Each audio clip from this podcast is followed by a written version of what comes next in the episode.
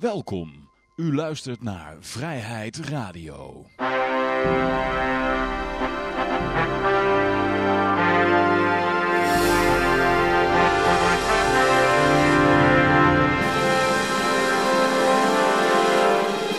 Ja, dames en heren, jongens, meisjes, dit is weer een nieuwe aflevering van Vrijheid Radio. Leuk dat u luistert. We zitten hier gezellig in Café Libertaria met een hele volle bak.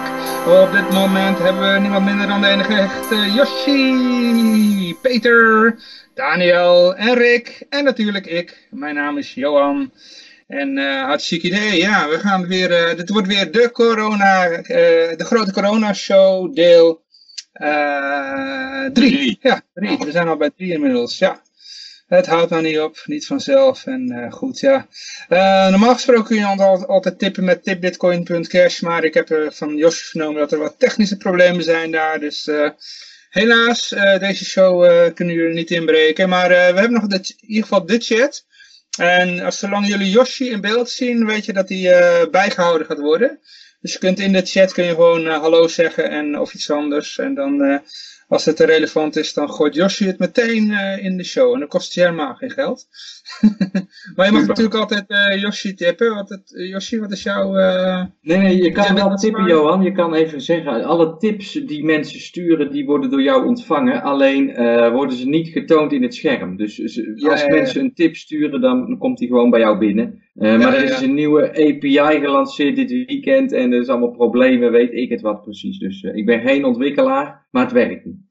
Nee, binnenkort weer een keer wel, denk ik. Dus uh, sorry uh, Ron, onze vaste tipper. En uh, wie had er nog meer? Snack voor het hoekje. ja, met seks bier. We hebben in ieder geval genoemd. Het is de beste snackbar van Nederland met de beste ballen. En de beste frikandellen. Uh, goed, ja, nou ja, we hebben wel een hele berg nieuws. Maar laten we eerst even beginnen met de gouden bitcoins, de staatsschuldmeter, en de marijuana-index, de olie. Laten we gewoon met de olie beginnen. Het was een gekke dag vandaag. En het is natuurlijk wel vaker met olie. Maar vandaag ging het met olie met 22,7% omhoog. Dus bijna een kwart van de prijs kwam er gewoon bij in één dag. Oké, okay, hoe komt dat? Uh, ja, ik geloof dat, dat de Chinese regering zei dat ze een strategische voorraad gingen aanleggen. En Rusland, uh, Poetin zei dat ze de productie misschien gingen beperken. Of, of Trump zei dat dat, dat Rusland waarschijnlijk de productie zou gaan beperken. Maar je weet natuurlijk eigenlijk al dat als de olieprijs zo daalt, dat er dan bepaalde partijen niet meer gaan produceren. Want die kunnen dat gewoon niet economisch meer doen. Dus uh, of je nou een akkoord sluit of niet, de productie gaat gewoon teruglopen. En, nou, en, uh, stond wel erg laag, hè? Het stond wel erg, erg laag. Ja. ja. Jullie hebben een paar vaten aangeschaft? ja, ik heb een grote berg uitgegraven en helemaal volgegooid. Ik ben volgens voorbereid op de toekomst. Zwaar long. Ik heb alleen olijfolie in huis. Maar goed, ja, dan hebben we nog, uh, even kijken, goud. Ja, goud ging vandaag ook met 2,9% omhoog. Staat nu op 1637 dollars. Dus ja, dat is al, en het is nog vergeleken, de euro is ook nog wat weggezakt. Dus in de euro's is het helemaal weer uh, omhoog. Ja. Ik heb nog een extraatje op goud. Goud heeft zijn all-time high in de uh, XDR, in de Special Drawing Rights van de World Bank. Oké. Okay. Ja, van gisteren of eergisteren heeft hij uh, de all-time high neergezet. Hmm. Nou, dan is alleen de dollar nog over. De, alleen de dollar heeft nog geen nieuw record uh, all-time high staan. Ja. Uh, maar ja, misschien wel de marijuana-index. laten we daar even naar kijken. Of zullen we gewoon eerst even de bitcoin doen? want die, die, had, die, die steeg ook trouwens de, vandaag. vandaag even naar de 7000 gegaan. 7000 dollar. 7000 dollar, ja, naar 7000 dollar gegaan. In de euro staat hier Even kijken hoor, uh, wat staat hier? 6500 eurotjes.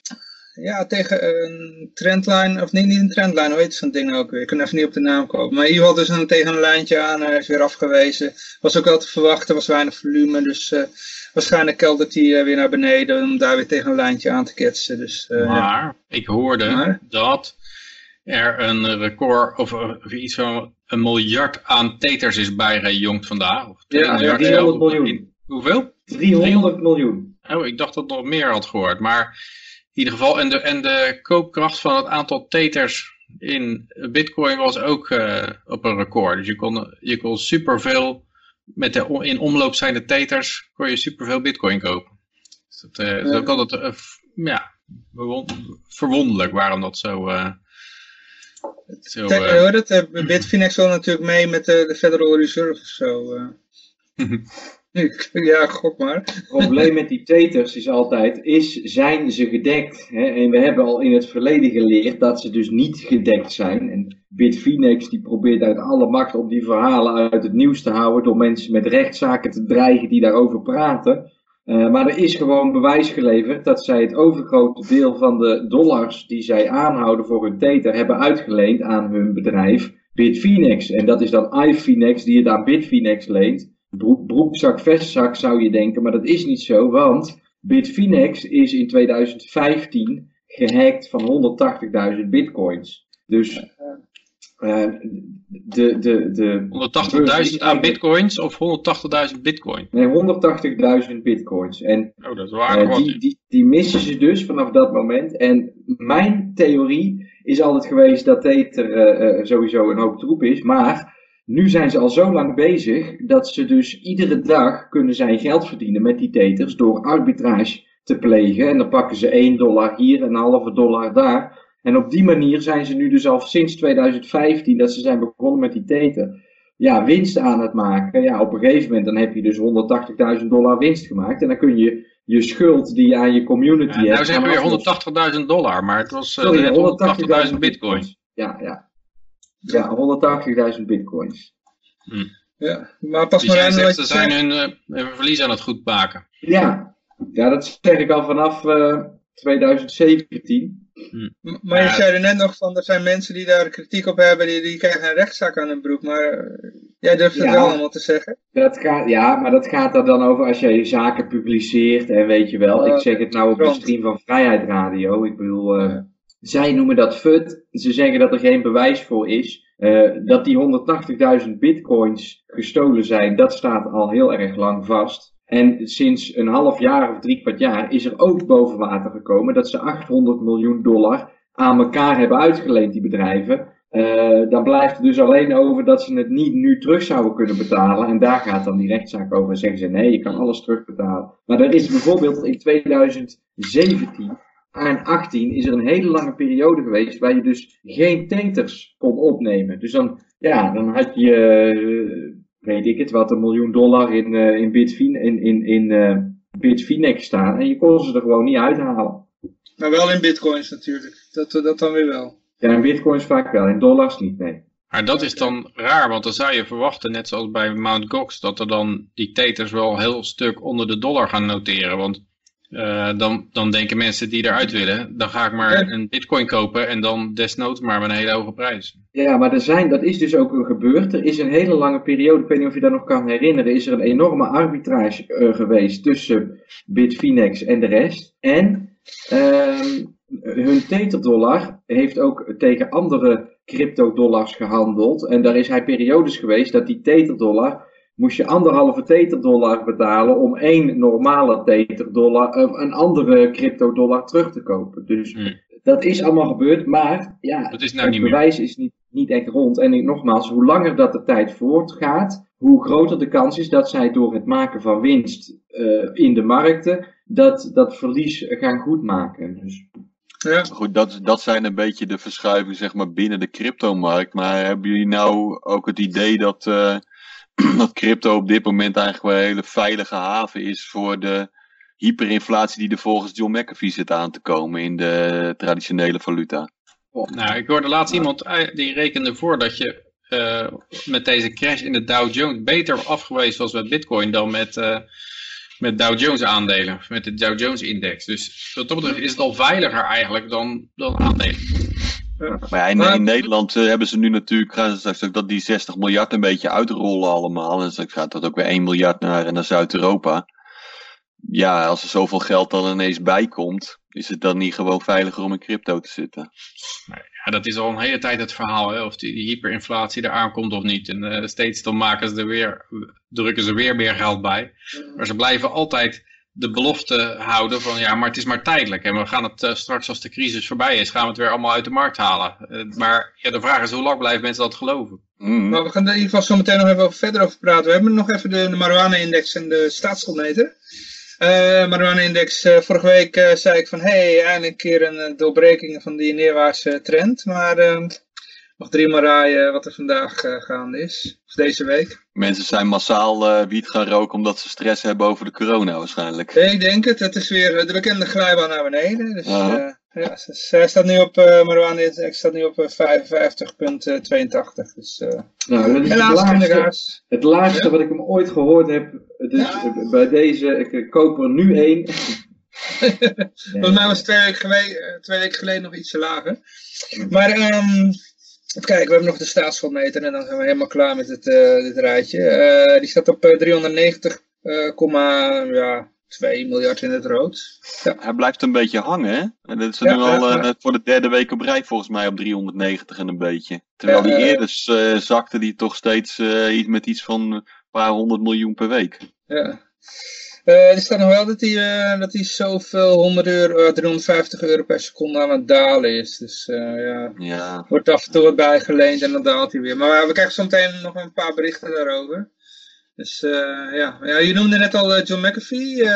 we kijken, wat voorspelde hij ook alweer? Hyperinflatie, net even over gehad, ja. ja. Heeft hij nog iets tegenaan gegooid dat hij zijn lul gaat opeten of zo? Nee, dat, dat geloof ik niet. Nou, hij zegt wel vooral dat je veiliger bent in, uh, in de crypto's tegenwoordig. Ja, maar dat is, ik hij gaat zijn niet... lul honderd keer opeten. Dat is ook inflatie daarin. Dus. ik denk niet dat hij bitcoin gaat adopteren, want die, uh, hij, hij, was natuurlijk laatst nog niet zo uh, enthousiast over bitcoin. Hè? Nee, want hij noemt namelijk wel een paar andere coins. Hè? Wat, wat, welke zijn dat? Zullen wel de privacy coins zijn als Monero, daar is hij heel enthousiast over. Uh, hmm. Noemt hij nog een paar andere coins? Ik had hem er net afgeknikken dat ik dacht, hé, hey, daar ben ik klaar mee. Maar ik zal hem er weer bij pakken voor je. ja, en we kennen zijn het gewoon de privacy coins waar die enthousiast Ja, maar hij, hij is natuurlijk positief ook over privacy waarschijnlijk vanwege zijn eigen situatie. Maar ik, ik heb uh, toch het idee dat het bij de grote massa's niet leeft. Ik hoorde laatst ook nog iemand die wilde dan uh, uh, een lening opnemen voor zijn bitcoin. dus geld opnemen en dan met zijn bitcoins het onderpand. Toen zei de lener, die zei van, oké, okay, uh, ja, dan moet ik eigenlijk rapporteren als ik uh, dat soort mensen kom, maar uh, ik, zal het, ik zal het voor de rest niet doorvergeten, dit gesprek heeft nooit plaatsgevonden. En hij zei, ja, maar het, het, is helemaal niet dat ik belasting wil ontwijken hoor, echt niet, echt niet. En dat is toch het merendeel van de bitcoiners volgens mij, die willen heel graag gerespecteerd ja, ja. worden en ja, uh, serieus ja. genomen worden, belast en gereguleerd enzovoort. Maar hij, hij raadt inderdaad uh, Monero aan en andere wat minder bekende privacy coins, dus dat is zijn hmm. verhaal. Nou, ja, uiteindelijk denk ik wel dat het, dat het een goede, goede toekomst heeft, die privacy coins. En, ja, als er natuurlijk inderdaad zoveel geld uh, bij komt en, en je krijgt een stevige inflatie, dan gaan mensen dat ontwijken. Ja, dan hebben ze nu nog een publieke ledger waar ze iedereen in kunnen tracen. Maar dan gaan mensen dat ook snel leren, dat ze dan beter naar een, uh, naar een privacy munt kunnen gaan. Yep. En, ik heb, uh, ja. en ook, uh, ben ook Monero aan het minen. Gaat natuurlijk niet zo hard met alleen mijn laptopje, maar... dus je weet, de Belastingdienst, die, je weet die, die ene luisteraar van, uh, ja. van de IVD, uh, die weet het nu ook, hè? nou geen, geen privacy ik, ik, ik, ik, wens ze bijzonder veel succes om uit te vinden wat ik op mijn account heb staan. Uh, Rick, Rick doet het voor een vriend, hè? oh ja, dat was het, ja. Maar even kijken, we hadden nog, nog meer berichten. Onder andere, ja, Cody Wilson, wie kent hem nog? Hij is weer terug van weg geweest. Vertel, ja dat zijn de, gro de, grote namen binnen de libertarische cryptowereld. ik bedoel, uh, hij is ooit in 2013 begonnen met Dark Wallet. Ah, oké. Okay. Yeah. Dat is een onzichtbare uh, hoe dat, portemonnee voor op het dark web. Mm -hmm. En dat is het project is helaas uh, een beetje stil komen te liggen, nooit afgerond. Mm -hmm. maar toen is hij met een bedrijf begonnen. Dat was Defense. Defense Distributed, zie ik. Ja, die, ja, ja, ja. Het, uh, van, van de 3D-gun, zeg maar. Ja, ik hij heb is ook dat gearresteerd, uh, toch? Hij is gearresteerd op een gegeven moment. Ja, ze hebben hem toen in de val gelokt. Hè? Dat uh, doen ze wel ja. vaker, de, de, de pedo trekken. Hij had via een of andere, wat is nou, Grindr of Tinder of zoiets, een of andere app, ja. had hij minderjarig iemand op, op zijn kamer zitten, op zijn hotelkamer.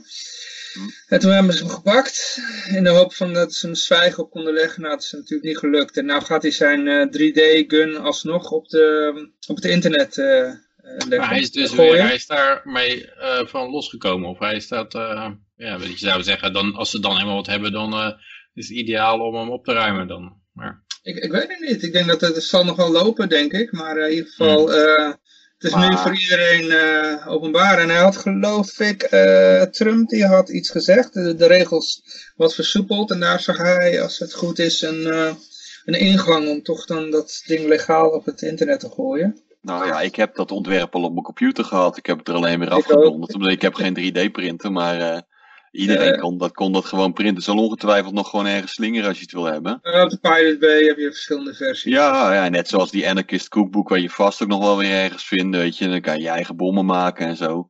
Laat nu vast zeggen, als de IVD zit mee te kijken, ik raad het mensen af om hun eigen bommen te maken. Nee, we promoten dat helemaal niet. Ja. Ja, ja, ja, jij hebt uiteindelijk gewoon jezelf. Het zes keer geprobeerd, het gaat altijd mis. U hebt gewoon even te klagen. Don't try this at home. Je vergeet wel ergens een veiligheidsmaatregel. Boom. Denk terug aan haar Costo, ja. maar, maar goed, ja, het is uh, leuk dat hij er weer is. Dus uh, nou, we hopen meer van hem te horen. Cody Wilson. En uh, google maar even als je niet weet wie het is. Mm, dan hebben we ook nog, even kijken, nog meer nieuws. oh ja, het is een patent op het coronavirus. En die kwam van jou, Daniel. Ja, en die kwam niet helemaal van mij, want hij, kwam op, hij dook op in mijn Facebook timeline van iemand die volgens mij ook arts is. En die uh, was daar eens wat over aan het uitzoeken gegaan. En toen bleek er inderdaad een, uh, een Amerikaans patent te zijn geregistreerd op een streng van het coronavirus. Ik weet niet of dat deze is. Um, volgens mij zijn coronavirussen redelijk commonplace in de medische wereld. En ik ben nog steeds aan het uitzoeken van waar, waarom dit, weet je wel. Waarom nou lockdown, waarom nou met, zo, uh, met, die, uh, met de maatregelen. Um, nou, mijn, de, laatste findings is dat ik zie zo van, nou ja, in, in Nederland hebben zo'n 550.000 mensen op jaarbasis last van een infectie van de luchtwegen. Even los van wat voor infectie dat moet zijn, of de bacteriële of een virale infectie is, weet ik niet precies. Er gaan gemiddeld 4000 mensen dood per jaar aan longontstekingen. Je ziet ongeveer dezelfde leeftijdsverdeling. Vaak mensen van ouder dan 70, weet je, slechte weerstand. En die uh, toch eigenlijk al uh, ja, redelijk aan het einde zijn. En dat is inderdaad uh, een, een, een, een, longziekte is een van de gevaarlijkste om te krijgen. Ook een hele nare trouwens hoor, als je ervoor op de IC komt te liggen. Dat, dat ziet er niet best uit. Ik heb dat bij mijn moeder gezien, die heeft een keer een hele dikke longontsteking gehad. En dat, uh, nou, dat ziet er gewoon echt niet leuk uit. Het is, het is een vervelende situatie. Maar ik hoor nog zo weinig, weet je, in mijn kringen. Uh, over van wat er nou werkelijk gaande is. er, komt ook, er komen berichten dat het eigenlijk een beetje rustig is in de meeste ziekenhuizen. Ik ben er zelf nog niet langs geweest, ik heb niet gekeken. Ik heb niet zo'n zin om daar, daar rond te gaan hangen. je wordt niet eens binnengelaten. Nee, waarschijnlijk ook niet inderdaad. Nee, nee, nee. Je mag niet naar binnen. Een beetje nee. onderzoeksjournalistiek hierop gaan doen heeft eigenlijk al op dit moment geen enkele zin. Uh, medisch personeel spreek ik niet op het moment. Ik wil graag weten wat er aan de gang is, maar ik ben een beetje in het ongewisse. Dus het enige wat ik eigenlijk kan zien is, um, ja, corona was er al. En nu is het ineens heel hip. Net zoals andere ziektes wel eens een keertje heel hip worden. Uh, het is een SARS-variant. Uh, vervelende longziekte. Maar dit, dit is wel echt. Ik, ik, ik bedoel, je kijkt naar een historische situatie. De hele wereld zit binnen. Maar wat ik me nog een beetje afvroeg, dit hebben we natuurlijk die hele discussie al in, in, op Facebook gevoerd. Van waarom zou je nu überhaupt een virus patenteren? Nou, dan kan je net, uh, als jij er een monopolie op hebt, kan je die, die, die ziekte stoppen. Hè? Want uh, het is natuurlijk verboden om dingen met een patent na te maken. Je mag niet repliceren. Dus die, uh, die, um, die cellen die dat, uh, die dat virus repliceren, die zijn strafbaar. Daarmee, uh,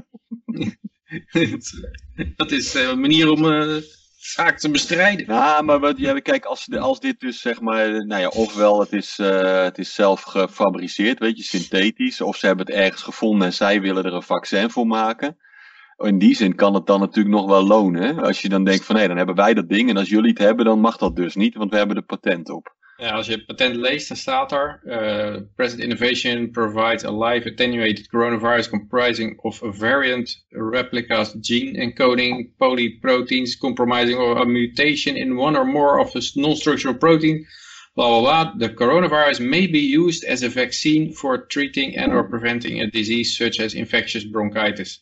Dat is wel bijzonder. Dat ze, dat ze dan dus dit coronavirus wat zij gepatenteerd hebben, juist willen gebruiken om, uh, om als uh, vaccin. als vaccin. Maar dat is toch, dat, zo, zo gaat het toch? Ik bedoel, um... dus, ja, dat is met virussen is dat het geval. Uh, die moet je in een vaccin hebben zitten. En ja. dat is een verzwakte variant zodat mensen immuun worden.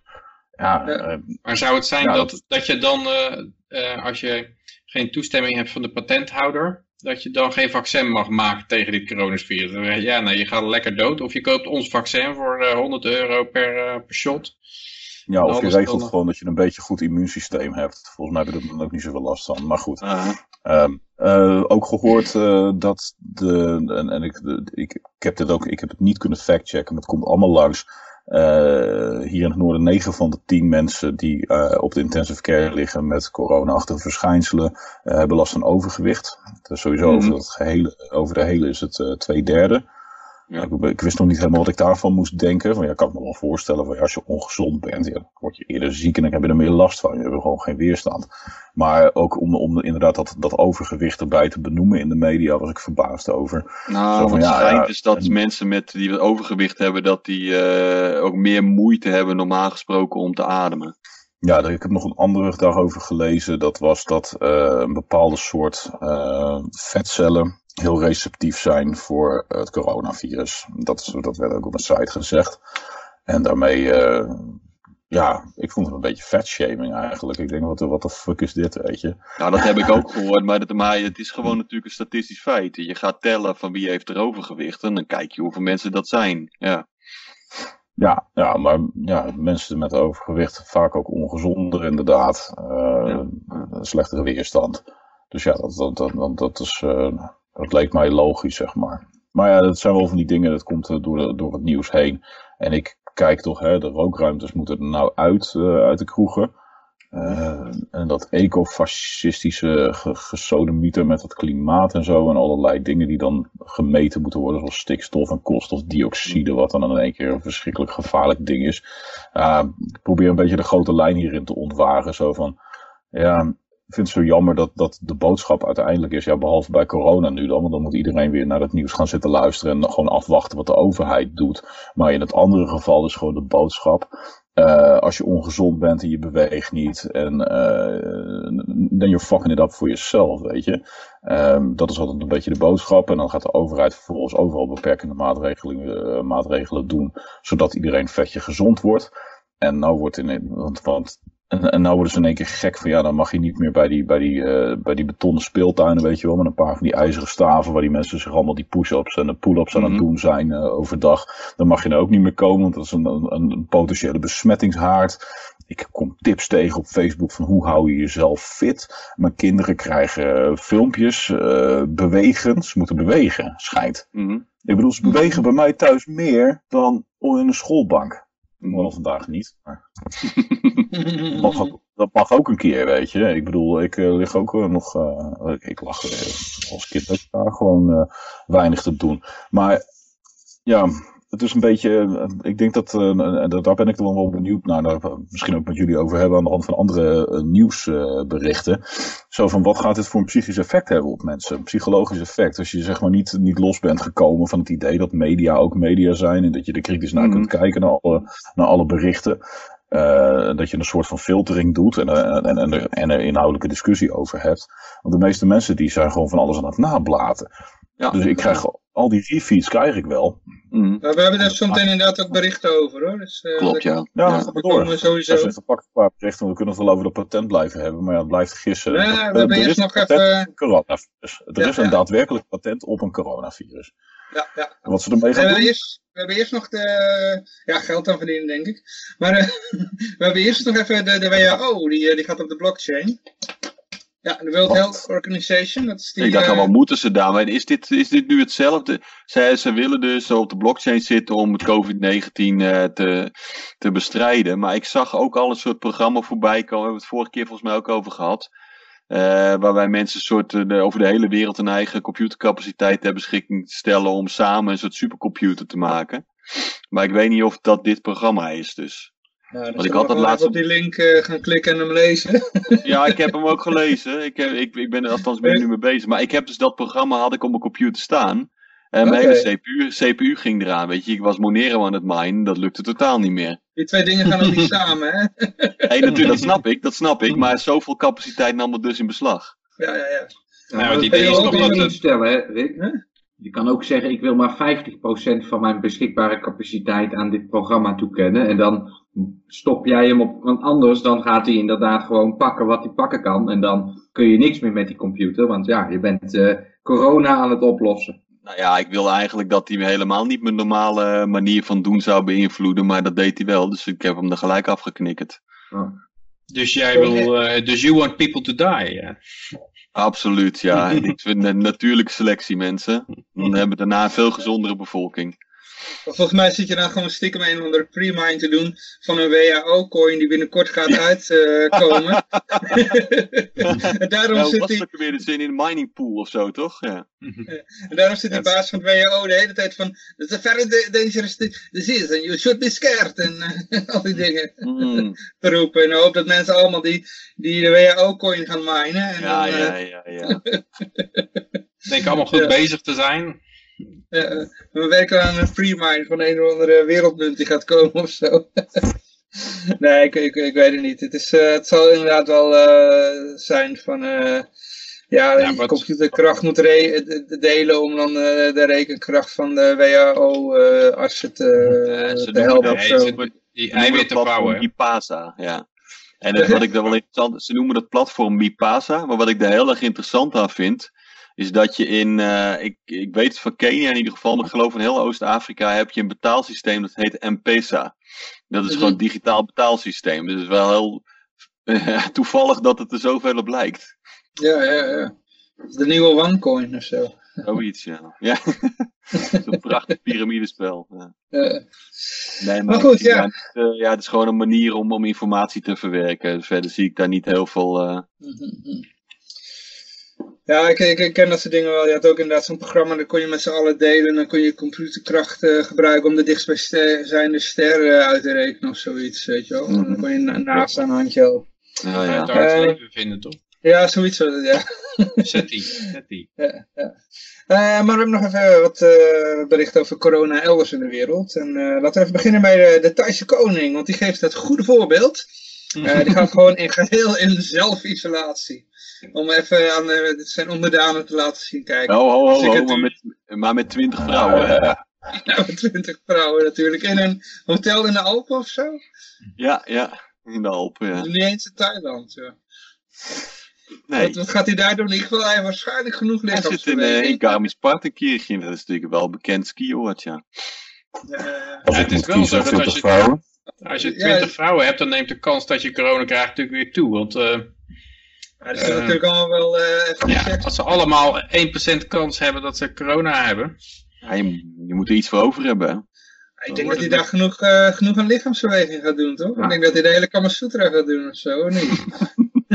Hij is 67 jaar oud, hè? ja, nou ja, dan blijf je wel fit, toch? Nou, hij heeft zo'n hele rare fetish en dan heeft hij het risico dat hij komt te overlijden. Dus hij denkt, ik doe het tijdens de coronacrisis. Als het dan gebeurt, dan zeggen ze gewoon, ja, nee, het was corona. Het is niet dat die allemaal naar eh, vreemde seksfeesten. Ik kan Ik zelf ook nog wel iets melden, mannen. Ik Ik heb weet niet namelijk... hoe die, die Italiaanse luiden nu aan toe zijn met hun seksfeesten. oh, boonga boonga, ja. Wat wil je zeggen, Yoshi? Ja, wij hadden, vorige week hadden wij toch dat artikel over rimmen, dat New York dat dat eh Ja. te- tegenging. En nou heb Oh, ik dus gelezen- Zoals verboden vanwege corona. Ja, ik, ik, doe, ik, ik leef altijd op het randje, hè. dus ik had mijn vriendinnetje uitgenodigd dit weekend. En nou kwam ik gisteren, heb ik nog een filmpje gemaakt, maar ik kwam gisteravond thuis en ik voelde me belabberd, jongen. Ik was allemaal moe, ik viel om 8 uur in slaap. Toen werd ik om 11 uur, werd ik helemaal zwetend werd ik wakker. Toen heb ik dus een, eh, ik heb eh, Wim Hof heb ik ooit eens ijs geleverd, dat heb ik vast wel wel eens tegen jullie verteld. Dus De, met alles eh, denk ik altijd aan Wim Hof, de Iceman inderdaad. Dus toen heb ik om 11 uur gisteravond heb ik ijskoud gedoucht. En een hele berg fruit weggegeten. Ben ik, ben ik weer, sorry, ik ben, ik ben nog aan het eten. Dus ben ik, ben ik verder gaan slapen. Maar vandaag had ik ook weer een beetje spierpijn en zo. Maar ik, Dat klinkt wel Ja. als corona inderdaad. Dat, zijn wel verschijnselen die daarbij horen. Moet je ook een beetje nou, ik, droog ik zou je en zo? ik heb, dus, ik heb altijd een hele erge rokershoest, wat Daniel net ook zegt. En ehm, die is ineens verdwenen ook. Ik heb een hele droge hoest nu. Ja. Dus het is niet, zo- niet zo geweldig wat er allemaal bij elkaar uh, opgeteld. Maar dat kwam vanwege dat je in het weekend hebt zitten rimmen? Ja, ik denk het. Hadden ze maar- gelijk. Ja. Ik Dan denk weet dat je waarom ze het in proberen. New York verboden hebben. Dat, eh, Beter een keer te veel gerimd. Beter een keer te veel gerimd als niet gerimd, Johan. Of Ja, zo gezegd niet rimmen. ja, ja. Het is inderdaad de living on the edge, hè? You can stop yourself from falling. Ja? Maar eh, ja, even kijken. Wat nog meer eh, corona elders in de wereld. We gaan even naar eh, even kijken. Wat hebben we hier? De coronamaatregelen in Wit-Rusland en in Nee, Zweden. Want wel. die, Nee, maar Wit-Rusland heeft helemaal geen coronamaatregelen. ja, ja, ja, ja. En Zweden een heel klein beetje. Ja, maar we gaan dus zien hoe dat uitpakt. Ik ben nou heel benieuwd. Hè? Als Daniel Ja. dus gelijk heeft dat het allemaal een beetje een soort ballonnetje is. en Dat het straks aan elkaar klapt. Dan zou daar niet zo gek veel bijzonders moeten gebeuren in Wit-Rusland. Nee, dus, dus, dus er is wel, ik heb het artikel gelezen, er, zijn wel mensen met corona daar. Hè? Maar je hebt ook heel veel mensen die gewoon een zelf, zelfisolatie kiezen. Weet je, het Ah. voorbeeld van de Thaise koning volgen, maar dan zonder de vrouwen. of alleen met één vrouw. Maar hij, hij raadde aan met wodka en in de sauna gaan zitten. Dus misschien Oké.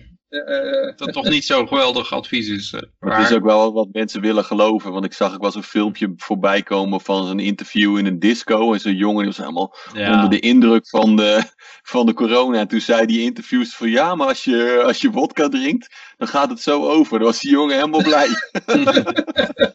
ja, ik heb het idee dat dat in scène gezet was. eh. Zo Dat denk ik ook. Ja, Maar dat, dat, is een, dat is een heel bekend filmpje van dat Russische ventje die dan helemaal blij wordt als hij een, eh, als hij te, te horen ja, maar dat, dat is een heel oud Ik filmpje, ja. toch? een heel Dat is oud ook, film, ik ken ook nog de variant met dat iemand vertelt over bitcoin of zo. En dat, je, dat hij dan helemaal blij wordt aan het eind. Dus, eh, of van, ah, hoor, dat, dat, dat iemand dat, dat God niet bestaat. je hebt heel veel je- kunt een hele hoop dingen kun je faken en framen. We hadden volgens mij vorige week of twee weken terug ook al die foto's van zogenaamde wonderen die er nu aan het gebeuren waren. Omdat mensen niet meer zoveel buiten kwamen en in de auto reden. Dat bleek ook Ja. allemaal nepfoto's te zijn. Oh ja, die, eh, die eh, dolfijnen en zwanen in Venetië en zo. Ja, en, eh, ja, ja. Ja, en het is ook altijd het gevaar, vind ik. Dat hoor je bij Noord-Korea ook altijd, die verhalen van... ja, eh, Kim Jong-un heeft een eh, vriendin met een eh, machine... of met een anti-aircraft gun laten doodschieten of zo. Of door honden laten Mhm. verscheuren, zijn oom. Niemand kan het controleren wat daar werkelijk gebeurd is. En, ja, je denkt van, nou, het is een gekke vent, dus het zal, het zal best wel eens kunnen. Maar je Mhm. weet het niet natuurlijk. En Wit-Rusland is ook een beetje helemaal, ja, is ook geïsoleerd. Dus je, je weet het niet wat daar nou echt gebeurt. En, en het is sowieso, ja, het, het, er zijn inderdaad een hoop mensen die ook vrijwillig wel denken van, nou, eh, ik kijk wel even uit, want eh, hier heb ik geen zin in. Dus ja, dat, dat, dat maakt wel duidelijk of die, of die dwang noodzakelijk is van zo'n overheid. Ja, dit is in ieder geval, dit bericht Ja, komt, uit, eh, komt uit Istanbul. Dus ik weet niet of die een beetje zicht hebben op wat er gebeurt in Wit-Rusland. Ja, Geen dat idee. Weet, niemand hier, denk ik. Ik weet maar bij. Zweden is het natuurlijk wel duidelijker geval. Ik denk tenminste, Zweden, die hebben dan ook geen, eh, geen eh, lockdown gedaan. En ja dat, ehm, ja, dat is wat makkelijker te controleren. En ja, ik ben benieuwd wat daaruit gaat komen. Wel corrigeren, het is wel een soort van lockdown, maar minder strenger dan... eh, Hmm. Ze noemen bijvoorbeeld in het artikel van dat de Nederland voor eenzelfde eh, eh, took a same approach. Ja, ik zit hier in Nederland, ik heb zoiets van, nou, ik zie wel een heel groot verschil tussen Zweden en Nederland. Eh, Ja, Mm. ja, de- hier hebben En we de winkels daar bijvoorbeeld nog open allemaal? Hè? Nou, in, bijvoorbeeld in, in Zweden zijn al gewoon de kroegen open en zo. Hè? Dus de, de, de horeca Hmm. draait gewoon door. En, en dan zegt ze in het artikel dat eh, Nederland took a same approach as eh, Sweden. Eh, Hmm. Maar dan heb ik, eh, ja, hier in Nederland is gewoon de horeca dicht. Hmm. Eh, Ja, het ja, je ziet interessante is dat- wel dat ik, eh, ik heb van de, de ik denk eh, een paar weken terug nog zo'n filmpje zitten kijken van, eh, van dat Zweden ook heel bewust op een gegeven moment het socialisme achter zich heeft gelaten en al die staatsinvloeden niet meer zo eh, wil, omdat het zo schadelijk was voor hun bedrijven. Dus ik denk dat, ze, dat dat nog wel redelijk vers in hun achterhoofd zit en dat ze daarom ook wel deels kiezen voor de economie. Maar ja, in de Verenigde Staten doen ze dat ook, hè? Of, hebben ze gedaan en dat eh, is nu een aardig dramatische groei daar op dit moment. Met een paar honderdduizend geïnfecteerde mensen. Ja, het risico daar is dat je natuurlijk in New York heb je een stad van miljoenen mensen. En die zitten allemaal dicht op elkaar. En uh, dat mm. is wel, een metro is natuurlijk heel veel openbaar vervoer. In Zweden is het toch allemaal wat, wat verder uit elkaar. Ik denk dat je, dat, ja, dat je daar ook wat makkelijker relaxter mee om kan gaan. Ja, dat helpt hem wel mee. Dat zie je in Nederland ook in de wat meer afgelegen regio's. Er zijn bijna geen infecties. Mm. In, in Loppersum of Appingedam of zo, dus één, één persoon per gemeente geregistreerd, zullen we maar zeggen. Ik moet trouwens wel even bij zeggen dat de, de horeca in Nederland, dat kiezen nou wel voor om uh, toch open te gaan uh, met het paasweekend. Omdat ze anders niet meer kunnen overleven. Dat ik ja, het is wel op straffen van een boete natuurlijk. Hè. Ik heb het hier in, de, in IJmuiden ook wel gezien, maar het zal op meer plekken gebeuren. Ja, ik zal toch graag op de mensen naartoe gaan hoor, want dat is, dat is ik denk dat uh, ook als je nou de bioscoop open doet of zo, dan vraag ik me af of het gelijk storm loopt. Ik denk dat mensen toch wel even iets hebben van nou, ik kijk het wel even aan. Uh. Ja, maar dan zelfs, ik heb wel het bericht gezien over, uh, dat was volgens mij gewoon op de NOS, over een foodtruck die dan buiten stond, zo'n ijskookkraampje en zo. en die, ja, er kwam op een gegeven moment ook de politie bij om die mensen daar weg te halen. Dat ze zeiden wij, maar dat is niet de bedoeling. En die vrouw van het ijskookkraampje was echt in tranen. Ja, die gaan natuurlijk gewoon compleet en onderdoor als je een klein bedrijfje hebt. Mm. En dan kun je wel zeggen dat je dan, nou, dan kun je aanspraak maken op een of ander fonds of zo, maar dan moet je SBI-code er ergens onder vallen. En als, je, als hij er niet onder valt, kun je wel aangeven dat hij er wel onder zou moeten vallen. Dan moet je weer een paar weken wachten voordat het erbij is gevoegd. En dan moet je pas de aanvraag Het punt is dat zo'n bedrijfje, die kleine bedrijfjes zouden niet gelijk onderuit hoeven te gaan als ze gelijk hun personeel konden ontslaan of niet meer konden betalen. En de huur bijvoorbeeld, dat, dat, ze met de huur een, een regeling kunnen treffen. Want dat dat, ik denk dat elke winkelpandverhuurder, als de uh, huurder naar hem toe komt en zegt, hoor eens, ik heb geen inkomsten meer en uh, ja, uh, succes met het vinden van een nieuwe huurder, dat die zegt van, nou weet je wat, dan schort ik het ook wel op of we delen de pijn of ja, dan is het veel makkelijker om door te komen, want dan ga je gewoon even helemaal in de vries als je niks te doen hebt en dan kan je gewoon weer net zo hard beginnen als je... als het uh, weer losgaat. Maar, ja, dat is nou niet zo. Je hebt een heleboel vast, vaste ja. dingen die doorlopen. Ja, die verhuurders die kunnen nu natuurlijk wel zeggen van hey, je gaat gewoon betalen. Maar op een gegeven moment als een bedrijf niet meer kan, dan houden ze ook geen huurders meer over. Precies, ja, en ik denk dat, de meesten dat ook wel beseffen. Ja. En denk ik, zit nu al, ik zit zelf nu al uh, 2,5 week uh, te kijken van hoe, uh, hoe ik nou betaald moet gaan worden. ja. Dat is 2,5 week van het kastje naar de muur gestuurd worden. En ik kan eigenlijk niemand van zowel mijn werkgever als de UWV als de ja, noodfonds, die, die krijg ik dan niet te spreken ben een werknemer. Ja. Maar in ieder geval, ik kan het hun allemaal niet kwalijk nemen. Maar de, ik heb een werkgever die heeft ook helemaal uitgelegd tot in de details wat, wat hun problemen zijn. Maar die hebben een paar duizend man in dienst. En die moeten eigenlijk voor iedere persoon moet er dan een, een, formulier naar ons toegestuurd worden. En met een handtekening erop moet weer teruggestuurd worden. Mm. Dus ik probeer dan ook voor een oplossing te zorgen dat het allemaal of digitaal kan of gewoon ja, heel, dat we in ieder geval die handtekening niet hoeven te hebben. Dat het even mondeling kan gebeuren of zo. Maar ja, daarvoor moeten ze weer uh, toestemming van allerlei ambtenaren hebben. Ja, we moeten er ook weer, uh, nou, het is een eindeloos verhaal. En, en, en ze, ze, hebben ook van andere bedrijven te horen gekregen met wie ze dan zaken doen. Van uh, ja, die, die zitten met dezelfde problemen. Niemand weet precies hoe het moet. En personeel is ook ten einde raad. Want ja, uit, veel uitzendkrachten die, die leven van week op week. En ja, die hebben nou helemaal geen geld. Ah, dus ja. die nemen maar hun vakantieuren op, wat eigenlijk niet de bedoeling is. Dat werd ook afgeraden, vakbond die raadde het ook nog eens af. Maar ja, je, je, je moet wel, want je moet, de huur moet betaald worden, weet je wel. Dus, Mm. uh, en dan zeggen ze van, ja, nee, ja, oké, iedereen kan tijdelijk bij het UWV. Maar ja, het UWV is helemaal voor niks. Er is ook helemaal geen mogelijkheid dat je een tijdelijke uitkering kan aanvragen in hun situatie. En nou ja, dat is... Ja, dat, het is, uh, dit is waar ook ongeveer 2,5 weken in zit, hè? Ja, ja, ja. En ik ben dus Ik meer tijd jaar, hier aan kwijt. Ik ben meer tijd hier aan kwijt dan ik normaal iedere dag kwijt was aan, gewoon aan, aan werken. Mm. En dit is vermoeiender, vind ik. Ja, ja, ja. ja maar er zijn ook allerlei bedrijven dus die, eh, eh, ja, die moeten dan via eh, e-herkenning, wat ze, wat ze niet eens altijd hebben, want je kon via de Belastingdienst nog gewoon op de oude manier inloggen met uh, login en wachtwoord. Je moet e-herkenning hebben om nu dit spe deze specifieke vergoeding aan te vragen. Ja, En ik ben net zelf voor mijn eigen bedrijf e-herkenning aan het aanvragen, omdat de omzetbelasting aangegeven moet worden, daar hebben ze mee lopen klooien. Ehm, maar dat bedrijf dat die e-herkenning verleent, die is zo ontzettend druk, omdat nu al die mensen die aanvraag daar aan het doen zijn, dat mijn aanvraag ook gewoon vertraging oploopt. Dus het, eh, Ja. het loopt gewoon compleet spuigaat uit. Die, de telefoon staat rood gloeiend bij die bedrijven die die e-herkenning verlenen. En daar hebben het eerder al eens over gehad. Dit is dus een soort technologie, een soort programma. eh, waar je als bedrijf zelf voor moet betalen. Het is niet Ja. iets wat de overheid financiert of zo, of een soort gratis e-herkenningsprogramma zoals bij DigiD. Dit is een privaat programma waar je dus als ondernemer voor moet betalen, om vervolgens je belasting te kunnen betalen. Oh, Dus. Ja, maar dat was laatst ook al zo, dat, je, dat Ja, er sprake was dat je moest betalen om belastingaangifte te doen. ja dat is dus dit, de e-her- e-herkenning. dat is dus voor bedrijven al zo. Ja, dat is voor bedrijven, ja. En, en, maar dus die, al die mensen die nu deze vergoeding willen hebben, hebben exact datzelfde programma nodig. Mm. Dus iemand wel helemaal voor vast. gelobbyd hebben. Daar heeft iemand voor gelobbyd, denk ik? Ja, denk ik, denk ik ook wel. Er zijn ook maar een stuk of vijf bedrijven die dat, eh, die dat produceren, zullen we zeggen. Was dat ook waar er laatst nou zoveel gedoe over is? Waar die, eh, die, die de baas, het een of andere boomer, zeg maar, en die heeft dan een of andere mokkel die zichzelf als hacker uitgeeft en eh, allemaal boek over geschreven heeft, toen ontmaskerd is.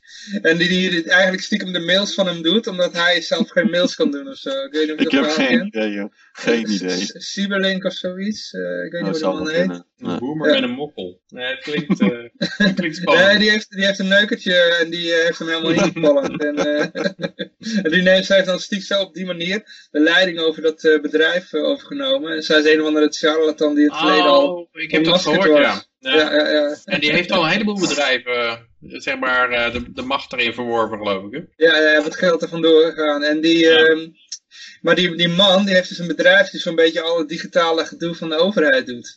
Oh, Dus eh, allerlei privacy en noem maar op. En, en, en websites waar je dan moet eh, inloggen voor de overheid. Die doet hij allemaal. Ehm, ja, even kijken. Ja, Zweden hebben we gehad. Oh ja, ondertussen eh, even nog hele andere dingen. Israël en Duitsland. Hoe gaat het daar eraan toe? Ach, Israël die ziet zijn kans even schoon, want die, eh, die denkt ook van ja, we zitten in een crisis. eh, waar Dus halen we de spullen vandaan? Waar halen we de spullen vandaan? En ja, dus ze, gaan, dus ze, combineren, ze maken van, ze slaan twee vliegen in één klap. Ze gaan en de Palestijntjes pesten. maar dat doen ze door daar materialen vandaan te halen om op hun eigen grond een noodhospitaal te bouwen. Oké. Dus eh, voor hun is dit een win-win situatie. Hm. Stelen gewoon eh, een tent. Nou, ze stelen allerlei bouwmaterialen daar vandaan. Die breken daar gebouwen af om, eh, ja, om dan hun eigen dingen op te bouwen. Business as usual. Ja, Ja, maar toch. wel een beetje met de versnelling erop, zullen we maar zeggen. En wat is er aan de hand in Duitsland? Oh, dat ja, hebben ze nou een, eh, een app die bijhoudt met wie je in contact komt. Oh man. Dus, eh, tenminste, dat willen ze op korte termijn ontwikkelen. Dus dan kan je, en het treedt daarmee in de voetsporen van Singapore. Ja, het, het, je ziet de echt de slechtste dingen van alle kanten bij elkaar komen. Het is niet zo, zo dat ze dan de vrije markt overnemen van Singapore. Dat je zo'n bedrijf kan oprichten Aha. zonder regulering en, eh, en lage belastingen. Nee, Ja. neem maar een app over om iedereen te trekken. En met wie Mhm. daar kan je, is natuurlijk ook ideaal om netwerken in kaart te brengen van mensen die, waar je vanaf wilt. Eh Ja. staat vijandige elementen. Ja, maar de En dan zien ware dat aard wij van allemaal hier bij elkaar regeringen... zitten. Ja, maar die ware aard van allerlei regeringen die toont zich nu wel, weet je. Waar in Hongarije bijvoorbeeld Orbán eh, Ja. een dictatuur heeft uitgeroepen. Eh, en in Nederland willen ze dan in naam, zeg maar, mensen eh, eh, zelf laten besluiten om thuis te blijven en dan op hun ratio aanspreken. Maar intussen heb je natuurlijk ook de meest strenge maatregelen en krijg je boetes als je de straat op gaat. Ja, En ja, Duitsland die, die wil iedereen gaan lopen tracken. Ja, dat, dat willen ze de Verenigde Staten trouwens ook. Hè? En volgens mij is de Europese Unie er ook al mee bezig. En allerlei eh, geldoverdrachten. Dus het, ja, dat, de ware haat die laat zich wel zien bij allerlei overheden. ja. Je kunt het eigenlijk Ah, bij de vind dat- COVID-19 noemen. Ja, en ze wilden Hmm. ook nog iets in, eh, in Duitsland doen, begreep ik, om eh, dat je je eh, moest laten testen voordat je weer de straat opkomt, zeg maar. Je moet je eigenlijk een eh, soort eh, gezondheidsbrevet hebben. Mhm. Moet die testen wel zijn natuurlijk. Mag ik een klein beetje spin claimen, jongens, op het artikel Ja, eh, over ja, Duitsland? Want, ehm, nou, dat zou dus een app moeten zijn die, een, een, eh, uit Singapore. En die, gaat dan, die kun je installeren, kennelijk. En nou, dan heeft iedereen die app. Fantastisch. Weet je, ik, ik, ik heb soms gesprekken, telefoongesprekken met mijn smartphone. En daarna duiken er dingen op in mijn Facebook timeline. Dat zijn gewoon gepersonaliseerde ads. ehm, die dan slaan op de dingen die ik besproken heb.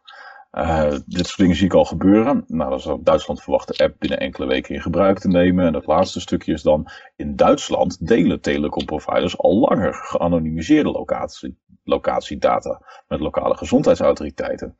Ehm, zo geanonimiseerd is dat niet, weet je. Er hangt gewoon een IP aan, toch? Ik bedoel... Net zo anoniem als de OV-chipkaart waarschijnlijk. Van, ja, je kan ja, hem anoniem precies. aanvragen, maar als je hem wil opladen, dan moet je wel je bankpas in de automaat. Uh, juist. En dat is allemaal zo anoniem niet. En um, ja, ik denk dat er in wetgeving nog wel, nog, nog wel enige beperking ligt op dit moment. Uh, in hoeverre dat gebruikt mag worden. En, maar dat is dan vooral de situatie voor de rechter. Uh, ja, precies. Dit, uh, ja. ik, weet niet of... Ik weet niet of jullie dat programma Hunter wel eens gekeken hebben. Dat is ook op Nederland 1 geloof ik. Maar daarin zie je, uh, daar gaan een paar mensen slaan op de vlucht en dan moeten ze nagejaagd worden door de politie. Daarin zie je hoe oh, ja. ongelooflijk snel die politie die mensen te pakken kan krijgen als ze maar iets gebruiken van, uh, van een middel waar, waar hun idee door bekend is. Of, of een telefoontje plegen of ergens op een camera verschijnen. Dat is echt in no time dat ze die mensen te pakken hebben. Dus... Ik heb wel een beetje het idee bij Hunter dat het een propagandaprogramma is. Hoor. De politie wil dan het idee meegeven van... Eh, we, we, hebben je altijd in de gaten. Binnen vijf minuten staan we er, weet je wel. Ja, dat is dan dus de vraag. En dus ik denk dat ze, dat, ze, dat ze heel vaak de capaciteit missen om het uit te voeren. Maar dat het in, in, in theorie best wel kan. Dus het is wel mogelijk om dat te doen, zolang je maar genoeg mensen ervoor hebt. Ja, nou, dat zijn de punten met de politie. Als, als ze inderdaad uh, de focus echt op iemand uh, leggen, dan kunnen ze die inderdaad wel vinden. Maar ja, je hoort nog steeds verhalen over criminelen die, nog, die al maanden, misschien al jaren zoek zijn, weet je wel. Die ze gewoon niet kunnen vinden. Dus, uh... Ja, maar die pakken dat natuurlijk ook wat slimmer aan dan die kandidaten in dat programma. Ik denk het, ja. Wat ook apart is, vind ik, de, al die politiediensten in Nederland, het begon in China, die zijn bezig met een drone met een speaker erop. En dan vliegen ze over iemand zijn hoofd en dan mm -hmm. roepen ze van, hé, hey, keer terug, draag je gezichtsmasker, keer om. Ja, dat, ja, dat is ook, het begint een beetje belachelijke formaat te nemen. De meeste drones, kan je 10 minuten mee vliegen of zo, 12 minuten. En dan zie je drie mannetjes van de politie, die staan zo'n ding te besturen. En die vliegen het over twee mensen. Eén die op het strand lopen. en, uh, en dan roepen ze wat. En uh, ja, dat is natuurlijk allemaal, uh, ja, ik, ik, denk nog niet dat het, dat het serieus is. Maar het is wel zo, ze willen het allemaal even doen. Allemaal eventjes even een precedent zetten. Ja, maar dat megafoon ja, volstaat al niet. Echt... Nou, ja, ik, hoorde, ik hoorde daar iemand van de, van de politie ook over op uh, Nederlandse televisie. Die zei, ja, in België hebben ze die technologie nu al. Maar in Nederland hebben we dat nog niet. En dat vond hij eigenlijk wel jammer ook je ziet dat ze ook wel graag speeltjes hebben dan bij zijn politie om dat soort dingetjes dan te kunnen doen. Ja, ja maar dat is ook een stukje social distancing, weet je. Daar, daar ben ik ja, zo bang tuurlijk. voor. Omdat mensen worden bang voor elkaar gemaakt alsof iedereen hier mij, uh, mij wel even zo hard gaat besmetten dat ik naar de tering ga. Nou, dat zal, mm. zal wel weer loslopen. Maar um, dat hele social distancing, weet je. Dat er iedere keer maar weer zo'n apparaat tussen moet zitten. Uh, de schermen bij de, bij de supermarkt, weet je wel. Waar ik dan nog mhm. vrolijk zo op sta te kloppen naar zo'n cashier toe, maar om het maar een beetje luchtig te houden. Maar um, het, het, idee dat het menselijk contact eruit gaat, uh, onder andere inderdaad met dat soort uh, suffe drones, zoals er, dan staan drie agenten uh, een drone te besturen. Ja, lekker belangrijk, weet je. Maar het idee dat je gewoon elkaar niet meer, niet meer in de ogen aan kunt kijken en elkaar niet meer aan kunt spreken. Uh, en dat je daar vooral bang voor moet zijn. Mhm. En dat, dat mes snijdt aan twee kanten, want de autoriteiten gaan hier ook steeds banger voor worden om mensen gewoon op straat aan te spreken. Je ziet, je hoeft maar één verkeerde beweging te maken. Ze, ze werken hier naar de grond eventueel, een paar bange agenten, weet je. Dat is gewoon ook, uh, dat is ook gewoon, het, het is allemaal omgeven met angst. Terwijl eigenlijk zou een beetje normale democratische samenleving toch wel, toch wel op wat meer vertrouwen moeten draaien. En dat, mm. dat werkt gewoon niet meer met, met deze multimediale wereld. Ik, ik zie zelfs dat onze beleidsmakers in Nederland, ja, die, die hebben gewoon last van hoe de verschillende media-outlets zich gedragen op dit vlak. Uh, als je kijkt naar de vragen die ze krijgen op die persconferenties. Van ja, ja, eigenlijk moet je gewoon zeggen, ja, ik weet het ook niet. Gaan mensen dood straks en dan weten we nog niet hoeveel en dan uh, zien we het wel weer. Dat is wat er gebeurt bij een outbreak. Ja, wat ik, wat ik wel heel tragisch vind, dat ik liep, zeg maar, nou ja, ik loop niet zo vaak rond uh, meer buiten, want dat durf ik dan ook niet meer. maar ik liep dus buiten, want ik had een wandeling met een, met een collega om wat te bespreken ergens in het bos waar het wat rustig was. Uh, en toen zag je dus twee kindjes zo op straat een beetje steppen met z'n tweeën. Uh, en die ene zei al tegen die ander van, nee, niet te dicht in de buurt komen, hè? we moeten wel afstand houden. Ik denk, mm ja, dat, dat onthouden ze dus gewoon voor een, voor een hele latere leven dat het normaal is om afstand van elkaar te houden. Dat is bijzonder tragisch, weet je wel. Dat dat, dat, dat de normale toestand van kinderen moet zijn. Ja, Ja, ik het het, het eh, mooie, wel als tussen elk verkeer digitaal eh, en internet zit, dan is de potentie ook aanwezig dat alles te controleren, te manipuleren is. Je, bent, ja, ja, ja. je, eh, ja, je kan iedereen zo afsnijden van zijn hele sociale wereld. Mm. Eh, eh, nog over Ja. Duit- Duitsland inderdaad. Germany could issue thousands of people coronavirus immunity certificates so they can leave the lockdown early.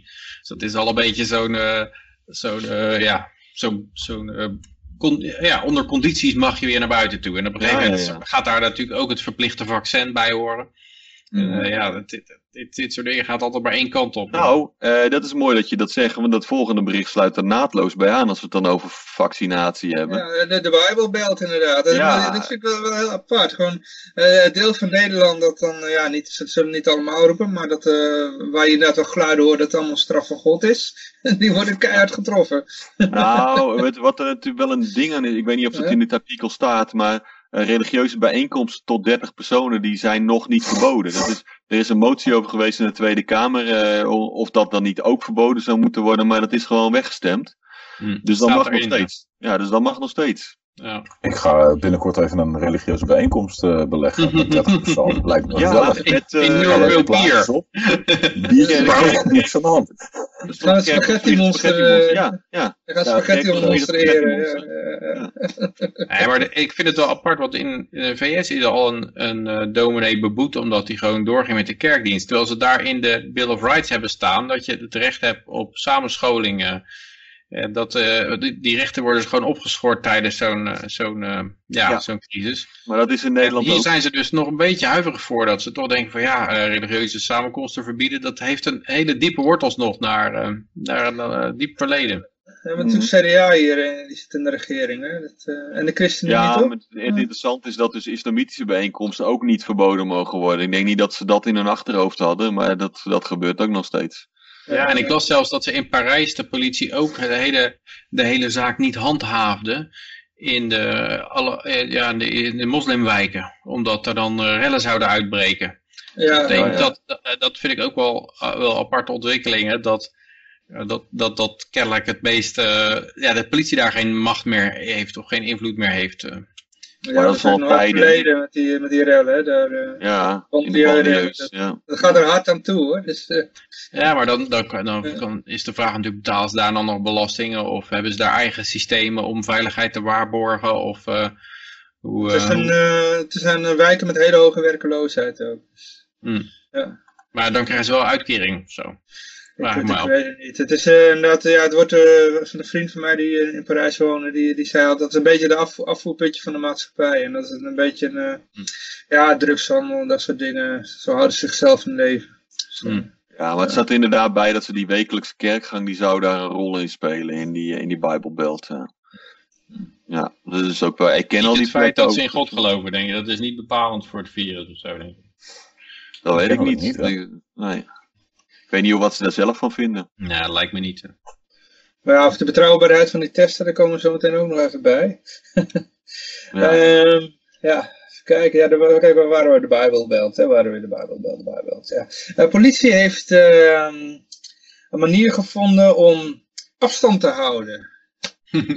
Ik zeg Ja, ook dit is- van. Hè? Dat, is- Ja, maar ze dat, is mooi. Als de politie afstand houdt, dan, word ik, eh, dan loop ik geen risico meer dat ze bij elkaar slieten. Maar ze hebben, een, ze hebben een telescopische stok waar je dan je rijbewijs in moet doen of je identiteitsbewijs. En dan kunnen ze je identiteitsbewijs op afstand controleren.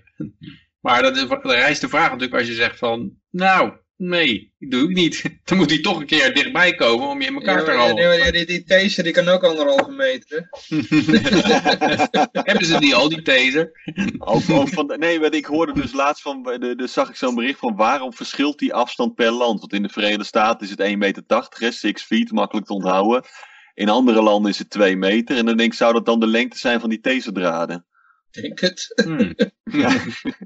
ik heb echt geen idee. Maar dit is dus wel apart. In verschillende landen zijn er verschillende afstanden. Dus de, of het virus gedraagt zich daar anders of zoiets. Nou, maar ze hebben, je hebben, ze hebben toch overal, overal andere regels bedacht, de heersers. Sommigen hebben zelfs Ja. een, eh, een curfew, dan mag je s'avonds niet meer de straat op. Je, Oh, is daar het virus dan actiever in de avond? eh? Servië, Nou, ik hoorde dus laatst, eh, Maurice de Hond die had uitgezocht dat, eh, eh, dat je statistisch kon vaststellen dat het virus het meeste Ja. voorkomt in landen waar het, oh, dat, volgens mij had jij dat toch gepost, ja. Ja, Waar, het, eh, eh, waar de luchtvochtigheid zit op 6 gram eh, vocht per kilo lucht. ja. en een bepaalde temperatuur erbij, hè? Ja, en dat, En dat ja, is- als je dat ziet op de kaart, dan klopt dat ook. Maar dat is maar de vraag of dat dan de variabele is die dat natuurlijk Hm. doet. Want het kan ook zijn dat daar weer iets anders is eh, wat dat mede veroorzaakt. En dat het toevallige samenkomst van omstandigheden is. is de cor- correlatie, dus het is geen causatie. Want ik las iemand anders, die had ook eh, bedacht van ja, eh, kijk, het is spe- specifiek erg waar gebieden waar veel luchtvervuiling is. En, ja, dat is China, die Wuhan, dat is natuurlijk een enorm productiecentrum, dus daar veel luchtvervuiling. Noord-Italië is ook redelijk veel industrie. Dus eh, ja, zo kan, je het, zo kan je het ook bekijken. Ja, het zal later wel, wel blijken of er eentje afvalt of niet. Maar ook als, er een hele, als alle verklaringen afvallen behalve deze, dan is het natuurlijk nog steeds niet gezegd dat, dat, dat daar een oorzaak-gevolgverband Nee, is. nee, nee. Nou ja, maar ook, eh, ook het hele verhaal. Ik, ik zag die grafieken waarin ze dan alleen maar de, nou, die hele lage grafieken hadden omcirkeld. En er stond dan bij mondkapjes gebruikt. En die grote Ja. stijging stond bij geen mondkapjes gebruikt. Ja, ja. Ik denk ook, ja, ja, of dat dat nou is, weet je. Dat is ook een, zo eh, ontzettend Dat is veel ook een correlatie. eh. Ja, ja, ja. Er zijn een heleboel correlaties mogelijk. En ja, ik kan er inderdaad nog niks van zeggen. Wat het, eh, Ook van die kaart van. Maurice stond, vond ik wel eh, op zich wel logisch. Want dat, daar kan ik me ook nog wel van, van school herinneren van, eh, met biologie. Dat griepvirus, in, eh, dat, dat zijn juist de condities dat griep het gewoon goed doet. Ja, maar het, Eh, eh, je verwacht juist dat het dan vochtiger moet zijn, hè? Eh, Want 6 Ja, gram, maar hij zei, er zes zit een soort envelop. is maar heel weinig. ja, hij zegt er zit een soort envelopje omheen. En bij te veel vocht, dan, dan, eh, dan kleeft dat envelopje aan het, aan het vocht vast of zo. En dan eh, werkt hij niet meer. Maar dat het zijn ook precies die gebieden, die gebieden tussen de warme en de koude eh, delen van de aarde, zeg maar. Hè? Ja, maar dan, dan, eh, eh, ja, die zijn beide natuurlijk allebei hartstikke droog, normaal gesproken. Dat, Maar, eh, tussenin, dat zijn juist de, de gebieden waar al die, die griepen het goed doen. Maar het is een beetje wazig, want ze zeggen juist dat, eh, eh, dat dit virus overgedragen kan worden als je gaat niezen en hoesten. En dan zit het in die druppeltjes Nou, eh, die je dan uithoest of niezen. Dus dat, daar zit natuurlijk ook gewoon vocht in. Dus dan vraag ik me af van, dat is veel meer dan 6, eh 6 gram per kilogram. En dat is Hmm. bijna gewoon eh 1000 gram per kilogram, zullen we zeggen. En dan, eh, dan zou dat virus daarin juist goed overleven. Dus dit is een beetje een wazige theorie in mijn beleving. Hmm. Maar goed, eh, we zien wel of dat uiteindelijk de verklaring is. Ja, want je krijgt meer bij, hier bij deze verklaring het idee dat het een, eh, een stofeffect is. Zeg maar. dat het, eh, als het heel stoffig is en, en het virus is een soort stofdeeltje, ja, dan gaat het door de lucht woelen en dan heb je dat het overal eh, verspreidt. Hmm. Maar inderdaad, het is natuurlijk het raar als het via Nice eh, verspreid zou worden. Maar misschien wordt het wel niet direct via Nice overgebracht, maar dat het eerst neerslaat op een, op een, op een, s- op een deurkruk of zo. En als het dan opdroogt, Nee, dat, Dat- schijnt dat dus je- weer veel minder. Dat die, die, die contactbesmetting schijnt heel weinig te zijn. En juist als je direct in je gezicht geniest wordt, dan eh, loop je veel grotere kans. hmm, Dat, dat, dat hebben ze naar bij zeggen eh, Ja. dat eh, als er ergens natuurlijk wat minder goede luchtkwaliteit is, de incidentie van eh, longziekte automatisch, automatisch toeneemt. nou, Wanneer je het slecht hebt, krijg je last van je longen waar de lucht slecht is. En ja, last hebben van je longen, hè, dan de zuurstoftoevoer, de weerstand en al die dingen. En eh, ja, nogmaals, ik heb, eh, ik heb niet genoeg verstand van. Maar ik denk, kijk, je krijgt nu zoveel theorieën en zoveel links eh, eh, om, je- lazer heen betreffende dat corona. Dat- dat- dat- is een, een oneindige stream van berichten. Ja, kijk, hoe nieuwsoutlets, waar verdienen zij geld aan? Gaan, zijn er mensen die, die die shit zitten aan te klikken en denken van nou, dat is een goed, goed nieuwsoutlet, daar ga ik wat geld naar overmaken. Nee, die, die moeten links, of die moeten kliks en, en, en, en eh, dingen genereren vanwege hun eh, advertentieinkomsten. Nou ja, en negatief Ja, natuurlijk. het altijd het beste. ja. Kram iedere stomme theorie eruit op een website. Je moet, eh, ik bedoel, je, je werkelijke bron van inkomsten zijn de adverteerders. Hmm. Dat zijn niet, dat zijn niet de mensen die naar, eh, die naar de YouTube-filmpjes zitten te kijken, eh, die, die, die, die, die nieuwsartikelen lezen. Die betalen daar niet voor. Nee, maar dat is ook wel zo. je Maar, maar je, je moet ook niet een theorie geloven omdat, omdat, die van, omdat je hem ergens gelezen hebt of zo. Maar ja, er wordt inderdaad overal van alles gepost. Maar je gooit er een hele hoop door elkaar en je bespreekt het zo'n beetje met elkaar. Wat, eh, ja, wat Rick net zegt van, hé, hey, dat zou wel raar zijn als het, bij- als het bij veel vocht, of bij weinig vocht juist besmettelijk is. Want, want dit en dat. Dan denk je, nou, die, Ja, die eh, theorie is inderdaad niet zo, niet zo plausibel. En eh, ja, uh, wat hoorde ik nou, die, die, die mondkapjes gehoord. En uh, ja, dan denk je, je houdt het in je achterhoofd. Je denkt, nou, ga ik eens even, uh, ik hou dus even in de peiling voor een tijdje. Nou, kijk, wat, wat het, normaal gesproken, als je het soort onderscheid wil maken tussen correlatie en causatie, dan weet je bij causatie moet je het werkingsprincipe kennen. En dat werkingsprincipe ja. is hier maar, maar deels bekend, zeg maar. Als je hm. dat niet kunt achterhalen, dan kun je nooit bewijzen dat dat nu precies de manier is waar, uh, waarop, waarop het veroorzaakt wordt. Dus daar ben ik nog steeds wel een beetje naar op zoek. Weet je, hoe dat virus werkt in je longen, dat, weten ze wel enigszins. En hoe het wordt overgedragen ook wel enigszins. Maar wat nu daarbij bepalende factoren zijn, dat, ja, dat is allemaal een beetje zoeken. Dat is het virus ook wat te nieuw voor, geloof ik. Ja, want ik hoorde bijvoorbeeld ook dat uh, ook in Nederland zijn vier van de vijf mensen die doodgaan, zijn mannen. En toen het nog alleen in China was het ook al zo bekend dat het zo zwaar, veel zwaarder op mannen dan op vrouwen. En toen werd gezegd van ja, dat kan wel eens mee te maken hebben dat mannen daar veel meer roken in China dan vrouwen. Hmm. En als je rookt dat je er dan uh, meer uh, gevoelig voor was. Maar nu blijkt dat hier ook het geval te zijn. Ik denk niet dat het hier zoveel, uh, zo'n belangrijke factor is roken. Nee, dus, geloof ik ook ja. niet. Dus uh, dan gaat zo'n theorie ook weer onderuit. Maar ja, dus mm. het, is, het is wel interessant om het allemaal een beetje te absorberen. Horen wat, ja. wat de logische verklaring is. En kijken van, nou, kan ik daar wat mee? Een beetje discussiëren, een beetje sparren. En dan, uh, ja, misschien kom je ergens toe. Ja. Ja, goed. Um, nou, hij had nog meer uh, berichten. Dan komen we nou bij het hele blokje corona-boetes. Want uh, ja, het is echt een, een, een boeteregen. Servië is er ook een boete vastgesteld voor mensen die zich niet aan de regels houden. En de boete daar is 150.000 dinar, dat is iets meer dan 1000 euro. Komt neer op ongeveer een half jaar salaris. Oké, okay. oh, dat is uh, fix. Uh... Nou, jullie hebben een avondklok hè, in Servië? Ja, vijf uur. Ah, van vijf tot vijf. Ja. Dus je zou moeten werken tot vijf uur en dan boodschappen willen doen. Uh... Nee, ja, dat gaat dus niet, want de winkels gaan dicht om drie uur. Ik, ben, oh. ik ben afgelopen 1 april gisteren ben ik helemaal kapot ge-sms'd door vrienden. Die zeiden van ja, je mag er nu 24 uur niet naar buiten en anders dan moet je een formulier downloaden. Maar ja, dat was dus allemaal 1 april grapjes. ja. ja. ja Nederland vrij snel in de gaten overigens. Nederland gaat ook wel een, een, beetje die kant op. Ik heb hier even een lijstje van, uh, van boetes. Of uh, wie heeft een mooie voorleesstem? Ik kan, even, kan ze even allemaal uh, voorlezen. Dan, dan, maak ik even een, een drummetje erbij. Zal ik het eens even doen met mijn mooie microfoon. Ja, Tientallen boetes uitgedeeld in Den Haag voor het negeren coronamaatregelen. De politie van de eenheid Den Haag constateerde ook dat de meeste mensen op straat zich netjes hielden aan de door de overheid opgelegde maatregelen. Hoe gaat het over een paar jaar zijn? Ja. ja ik denk dat, dit, dat het gaat veranderen in van die vloeibare situaties, net zoals de snelheidscontroles op de wegen. Dat je gewoon, er is weer een virusepidemie vanmiddag. Uh, tussen 4 en 6 mag u niet, moet u anderhalf meter uit elkaar lopen in kampen of zo. En dan, ja, als je dat dan niet, niet continu verbonden bent met, met de app die je waarschuwt, dan, dan word je gelijk een boete opgelegd. je, je in niets vermoedend ja. door kampen lopen. Maar dat is, dat is natuurlijk sowieso zo. Hè. Je wordt in Nederland geacht om de wet te kennen. Dus zelfs de meest debiele dingen kun je gewoon een boete krijgen. Ik ja, heb wel eens zonder licht buiten gefietst toen het gewoon buiten al licht was. Maar in Nederland is het zo dat je tot een half uur na zonsopkomst moet jij je licht aan hebben. Hmm. Ik denk, ja, dan moet je wel bijzonder slechte ogen hebben als je als je dan nog je licht aan moet hebben, weet je. Dus ik wil gesprek ja. voeren met die agent, maar die was er niet van gediend, weet je wel. Ja, ik denk dat je dan die app moet installeren. En dan die app moet precies weten waar je locatie is. En dan, uh, dan vertelt die app, ja, u gaat nu een zone binnen waarbij u anderhalf meter afstand moet houden en 250 euro boeterisico loopt. Uh, zoiets uh, lijkt me wel, ja, ja, ja. lijkt me de toekomst wel. Maar dat wordt wel een soort spelletje, hè? Um, ja. ja, ik denk dat de jongeren daar wel ja, dan gaan ze dat gewoon verhalen op de ouderen of dat, uh, die boetes. Ja. Ik denk dat het wel, zeggen, ja...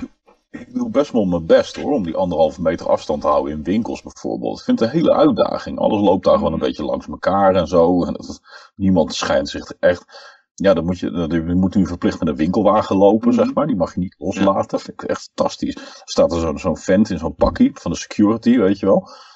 die lijkt nog wel banger dan, dan de meeste me- die gasten. Ja, dan sta je dan als security de hele dag hè, mensen naar binnen te laten in die winkel Ja, met ja, ja. karretjes. En dan, Die ja, krijgt, die krijgt de hele dag al de kritiek zij over kijken zich echt bang uit hun ogen. Ja, maar niet, alleen, niet alleen dat. Als hij net zo bang is voor corona als, als heel veel mensen in Nederland, dan krijgt hij ook al die mensen langs zich de hele dag. Ja, dat eh, het lijkt me echt een verschrikkelijke, verschrikkelijke baan. Maar ik heb er dus al twee zien staan in, in die supermarkten. Voor die pakjes. Maar ja, nou ja, goed. eh, ik pak wel een karretje, weet je. Dat maakt me allemaal niet zoveel uit. Maar, ja, ik weet niet. Het is niet dat, je trouwens- zegt, dat jij zegt van je moet het karretje altijd vasthouden. Maar helaas heb ik dat gedaan inderdaad. Was ik met een karretje.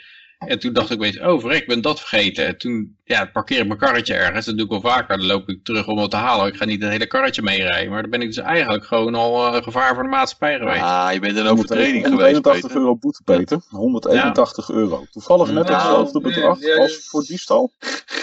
Oh, Ja, hè, ja. want daar hing altijd over die winkels hing er zoiets van je krijgt 181 euro boete als je diefstal pleegt. Ja, ja, ja. Eh, schade en personeelskosten en dat kost allemaal Hmm. tijd. En datzelfde bedrag wordt nu genoemd als je je niet aan die regels houdt dat je ook eh, die boete opgelegd kan krijgen. Ik heb trouwens ik. heel, vro- Hm. ik heb heel vrolijk nieuws. Eh, wereldwijd zijn er nu meer dan een miljoen mensen besmet, zie ik in de, de feed van de staatsomroep.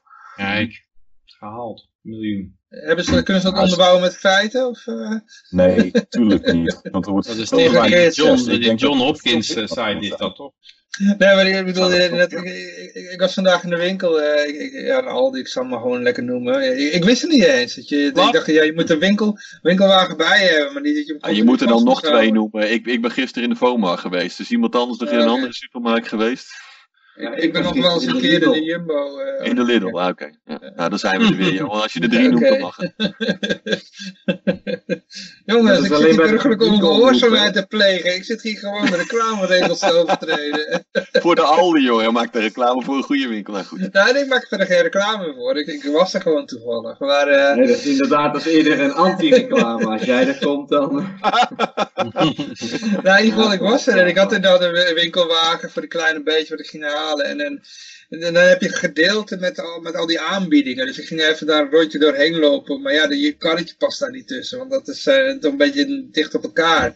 Dus ja, dan moet je hem wel eh, rond eh, vast hoor, loslaten om even ertussen die, in die bakken met afgeprijsde dingen te gaan snuffelen, weet je wel. Nou, er zat uiteraard niks bij, maar... Nou ja, goed, ik had, eh, we hadden nog berichten. Ja, we noemen al de 185 euro boete voor... eh Nee, maar wacht even. Ik wil nog even over die supermarkt. wat, Oké, waar ik ja, ben dat gaat hier ook over hoor, dus je kan Ja, Oké, ja, ja, ja, dat noem we maar even. Dan ga ik er nog over... eh, Nou, Overlop, 185 euro boete voor eh, als je niet gedraagt in de supermarkt. Geen anderhalve meter afstand houdt. Ja, nou, het ding is, ik kreeg dus dat karretje. Het is net zoals iedereen tegenwoordig een karretje krijgt. En de karretje wordt ontsmet, hè? En dat doen ze een van de middeltje wordt ontsmet. Maar al die mensen eh, die hebben, weet je van tevoren niet of ze hun handen gewassen hebben. Dus al die artikelen waar die mensen aan zitten in die winkel, hebben we het eerder ook over gehad, hè? Die ze misschien nog wel weer terugzetten. Dachten, ach, dat is toch niet wat ik moet hebben. Of ze stoten toevallig tegen een ander aan. Of ze hoesten een keer in het schap. Heb jij het ook over gehad bij die coronaflesjes, hè? Met ja, de zwerver. hè. Hoe in godesnaam wil je dat controleren, man? Dan heb je je karretje schoon, maar die mensen zitten overal aan. Die hoesten overal op, eh, die ademen alle kanten op. Hoe wil je dat controleren? Dat gaat toch Ik helemaal denk niet? dat ze ook door zo'n douche heen moeten. Dat vind ik ook een mooie conditionering. Dat je Ja. eh, je schoenen uit moet trekken en dat je dan eerst een douche door moet. Zo'n beetje zo'n soort... eh, ja, Varkenspest. nou, dat doet een beetje, doet een beetje aan Auschwitz denken, zeg maar. Dat je in, eh, we gaan even een douche nemen, mevrouw. En dan eh, kan je, dus, Ik kan je denk de dat, supermarkt in. Eh. Ik denk dat eh, Albert Heijn die kan ik heeft... Johan, we hebben de Godwin. Oh, de Godwin, ja, ja, ja. Oh, ja, ja, ja. ja. Moment, er komt de jingle. Oh, jongens, jongens, jongens, jongens, er komt de jingle. Even kijken, welke was het ook alweer? Eh, oh, oh, jongens. Het moet wel Eh, heel spontaan zijn. Het moet niet dat het, dat het drie minuten later naar zijn hoofd spontaan, zoeken dat de Godwin Heel spontaan de Godwin. Ziek idee, de Godwin. Ja, dan gaan we weer verder even met eh, de corona-jingles. Dat zal deze wel zijn. Nee, de site 360.000 boete voor overtreden lockdown Frankrijk hebben we nog. Ja. Dan, eh, en dan hebben we nog de Permanent en Beemster openen corona kliklijn. Dan kan je gewoon Ah, eh, dan kan je, je buren aangeven. En echt dat is, een, eh, dan moeten we de NSB nog even noemen. ja, ja, nu het, diezelfde jingle kan daar nog wel voor gelden, denk ik. Oh, maar Godwin, waar hadden we hem ook alweer? Dat was deze geloof ik. Hartstikke idee. Heb je niet ergens iets met Noord-Koreaanse toestanden of zo? Dat is gewoon daar natuurlijk heel gebruikelijk. Hè? Er zitten gewoon ja. miljoen mensen in strafkamp omdat de buren hun verklikt hebben. Ja. Nou, over Wat wil ik zo'n- over Noord-Korea gesproken. Ik zag zo'n foto van Rutte die zo'n eh, zo'n kuchscherm inspecteerde. En die stond zo bij zo'n supermarkt, die stond zo bij dat zo te- een soort vakkundig stond hij te kijken van nou, nou, Ja. dat ziet er goed uit. Want het ging over dat bedrijf, die hadden zoveel orders gekregen voor die kuchscherm. ku- kuchscherm- Nou, ik- weet, eh, niet- ik weet niet of, of jullie dat hele debat een beetje gevolgd hebben, maar die Rutte die heeft dus, daar is een hele Twitter-discussie over gekomen. Rutte heeft dus vandaag of gisteren, eh, ontschiet me even, heeft hij in de Tweede Kamer gezegd dat hij niet een liberaal is die tegen een grote staat is. Nee, zo'n Oh. liberaal ben ik niet. Ik dacht, nou komt de aap uit de mouw en je heel is er overheen. En dan ben je natuurlijk geen liberaal. Hij is een law and order persoon, Maar- een ongelooflijk Nog even- Ja, verhaal, af, even afmaken over die liberaal. kuchschermen. Ja, Die foto vond ik zo mooi, want hij stond echt zo, zo ja, eigenlijk heeft zo'n figuur natuurlijk nergens verstand van. Maar die stond dan naar dat scherm te kijken, zo van alsof, alsof die stond te testen. En er is een hele site over Kim Jong-il kijkt naar dingen. En dan zie je Kim Jong-il komt in een worstenfabriek en dan kijkt hij zo, kijkt hij naar die, naar die mixers, kijkt hij van ja, ja, ja. Of hij komt in een schoenenfabriek en dan houdt hij zo twee schoenen vast. dat is gewoon, we hebben gewoon onze eigen Kim Jong-il. eh. Ja, is, eh, Ki- Kim Kim Jong-un Jong-un. looking at Kim stuff eh, heet hij geloof ik. Eh, Ja.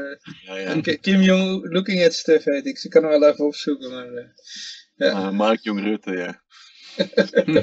Ja, maar trouwens over dat, dat de VVD liberale partij is. Dat is gewoon een verkiezingsdingetje. Ze zijn alleen een liberaal in, in, in de mond tijdens verkiezingstijd. Maar Ja, als je ja. kijkt puur naar de doctrine waarvan waar de VVD op gebaseerd is, is het eh, een rechtsconservatief, gewoon een conservatieve partij. Ja, ja, ja. ja. Maar dat heeft hij dus nu ook letterlijk toegegeven. Ja, ja.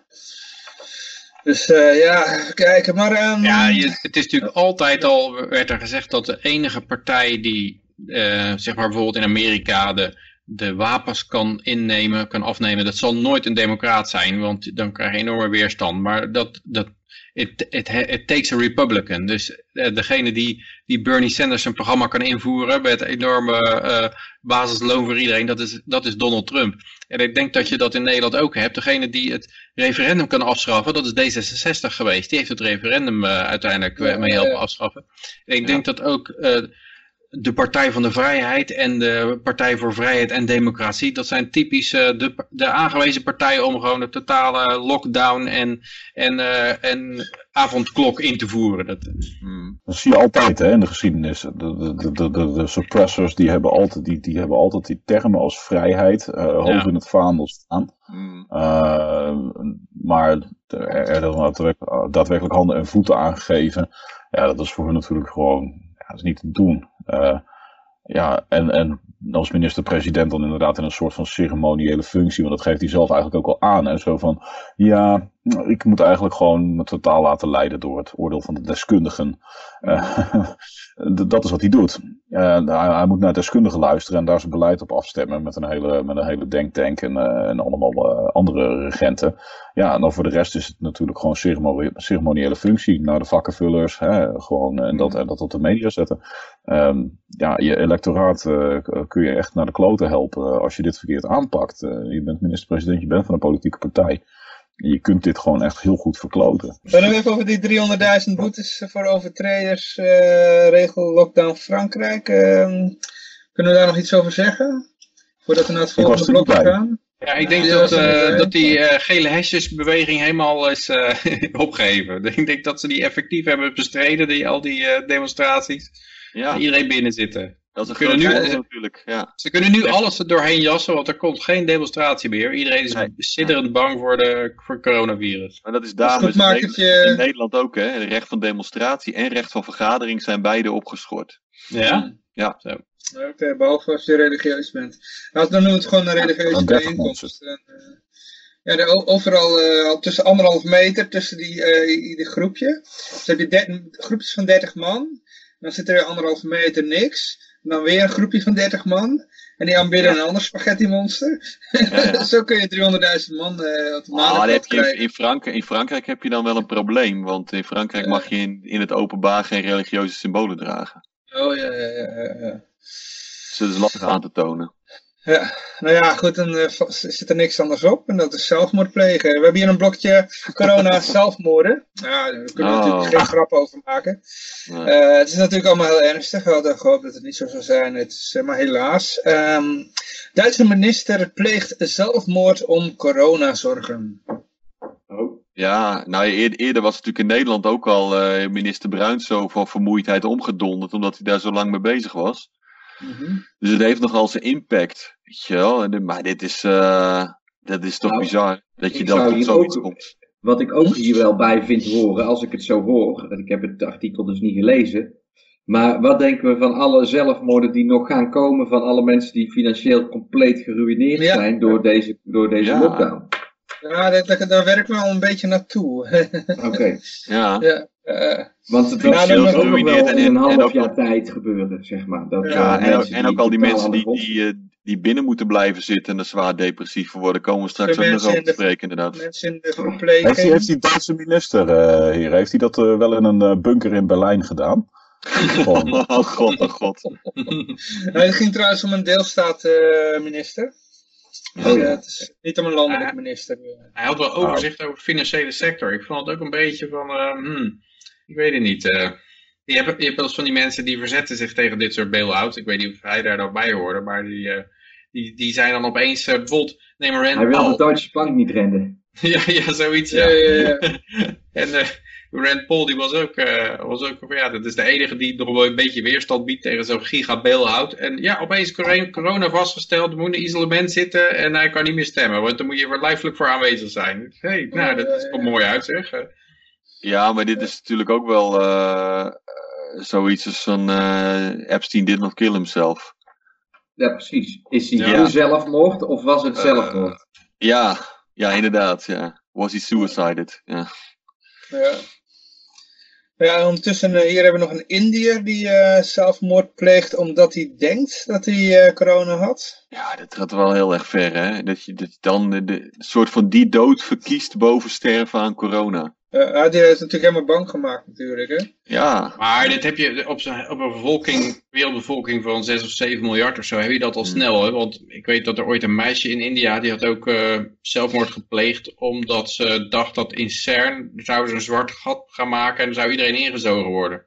Mhm. Ja, met, de deeltjes, met de deeltjesversneller. Ja, als je anderhalf miljard mensen hebt, dan zit er gewoon altijd één, één rare outlier bij die gewoon, ja, uh, maar ik denk wel met die enorme ziektepaniek en pandemiepaniek, dat, dat, dat, dat dat een heleboel mensen zijn die daar helemaal van over de rooien gaan hoor. Want er zijn een heleboel van die hypergonders. Oh ja, ja. Die, uh, we hadden, hadden voorheen toch met de, de, de climate scare, uh, daar hadden we toch, toch zelfs een bericht over. Dat er heel veel uh, millennials waren, nou tenminste heel veel, er waren een aantal millennials geweest die zelfmoord plegen vanwege klimaatangst. Ja. Dus, of klimaatstress of zo. Nou, misschien een klimaatschuld. Hè? Van als ik er niet meer ben, dan, dan vervuil ik ook niks. Terwijl... Ja, maar je zit al wel vrij snel in de, in de regio, uh, uh, hoe noem je dat? Persoonlijkheidsstoornissen, psychische stoornissen in dit geval. Hè? Die hadden anders allemaal andere reden zelfmoord gepleegd. Of zo. Ja, precies. Die hebben gewoon een aanleiding nodig. Toen Kurt Cobain uh, de, de, doodging, zijn er ook een aantal die zichzelf van de kant hebben gemaakt. Omdat ze niet zonder die man konden leven. Ja, ze hebben hem nooit in, in, in vlees en bloed gezien. Alleen maar op televisie of op een concert. En dan nog kun je niet zonder zo iemand. Uh, dat is een hele rare hechtingsstoornissen zijn dat eigenlijk. Uh, ik ben blij dat dat, te praten die, die zich niet zo hechten aan deze Idioot. Mensen in plaats van, van Judas Priest uh, achteruit draaiden en toen zoiets hadden, nou ja, dan moeten we wel dood. Dan, nou, moeten we echt doodgaan. Ja, ja. ja. Ja, nee, natuurlijk, we kunnen natuurlijk niet om lachen natuurlijk. Het is uh, hartstikke sneu dat dit gebeurt. Um, ja, dan nog een um, Italiaanse verpleegster, die pleegt zelfmoord uit schrik. Uh, anderen besmet te hebben. Dat heb je natuurlijk ook, ja, die, die mensen zitten natuurlijk, zo'n zo'n end scare die zitten natuurlijk onder heel veel stress ook nog. Dus, uh, nou, en als je dus in het systeem meewerkt, dan word je nog meer geïndoctrineerd als dat je met ons één keer in de week zo'n vrijheidsradio natuurlijk maakt en een beetje om lacht. Wat ook al indoctrinatie is. Maar... maar ze, heeft ook, ze had ook wel daadwerkelijk het coronavirus hoor, dus dat was niet... Uh...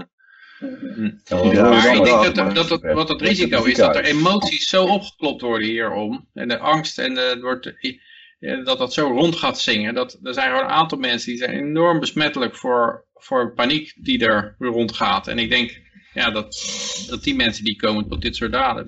Nou, dan heb je ook wel een mooi bruggetje gemaakt, Peter, naar het volgende rijtje berichten.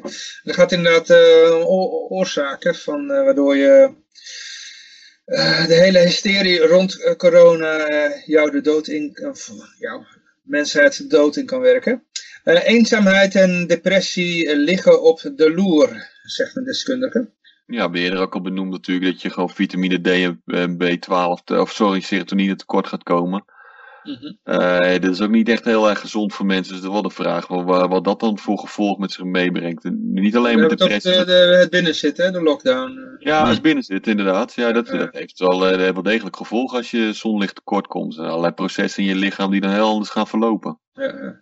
Nou, je kunt er van Josje vragen, hoe voel jij je? Uh, jij zit de hele, de hele tijd binnen, nou, dit is voor mij eigenlijk gewoon een gangbare dag. Ik, ik ben wat dat betreft al acht jaar in lockdown, om het zo te zeggen. dus ik, nu weten jullie eens hoe ik ga het voorbereiden op dit moment. Ik, me nooit, ik, ik, ga nooit naar mijn werk. Ik heb amper sociale contacten. Dus, ja. dus jij bent veilig.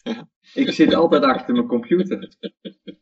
Ja, ik nou, hoor dat ze ook al in bepaalde landen hebben ze de verkoop van alcohol ook verboden. Ik geloof, eh, ja, zelfs in Frankrijk, ja omdat het huiselijk geweld zo enorm toeneemt. Want er zit er zo'n heel, uh, hele familie die zit in een huisje opgesloten. En die denken, ja, wat moeten we nou eens gaan doen? Nou, we gaan maar helemaal uh, ons te, te pletter zuipen. En daar krijg je nou, natuurlijk enorm veel, daar komt ook, ook, enorm veel geweld voor. En ik, ik, ik las net dat in China, toen de lockdown eraf ging, kwam er een golf van echtscheidingen gelijk ook. Dat was ook, uh, ja, de, de, een heleboel huwelijken zijn niet tegen bestand. Ja, maar dat is wel wat deze hele crisis doet. Die, die, uh, die laat een soort van de ware aard van allerlei zaken zien. Weet je, als je mensen dan zo, zo lang zo dicht bij elkaar zet, komen ze er ineens achter dat ze of heel erg veel van elkaar houden, of juist helemaal niet. Of dat ze eigenlijk een ongelooflijke stinkhekel aan hun kinderen hebben, die ze eigenlijk helemaal niet zagen, omdat ze altijd op de, op de kinderopvang of op school zaten. Nou, gewoon nee, ze, waarom ben ik er ooit aan gaan, uh, ja. Wat zei je? Ze hebben er nooit meer om leren gaan, omdat ze altijd met hun werk bezig waren. En, ja. En, uh, ja, ja. ja, en dan moeten ze nu allemaal leren en dan vinden ze het allemaal heel erg. En ik denk steeds weer, die mensen zijn niks gewend, joh.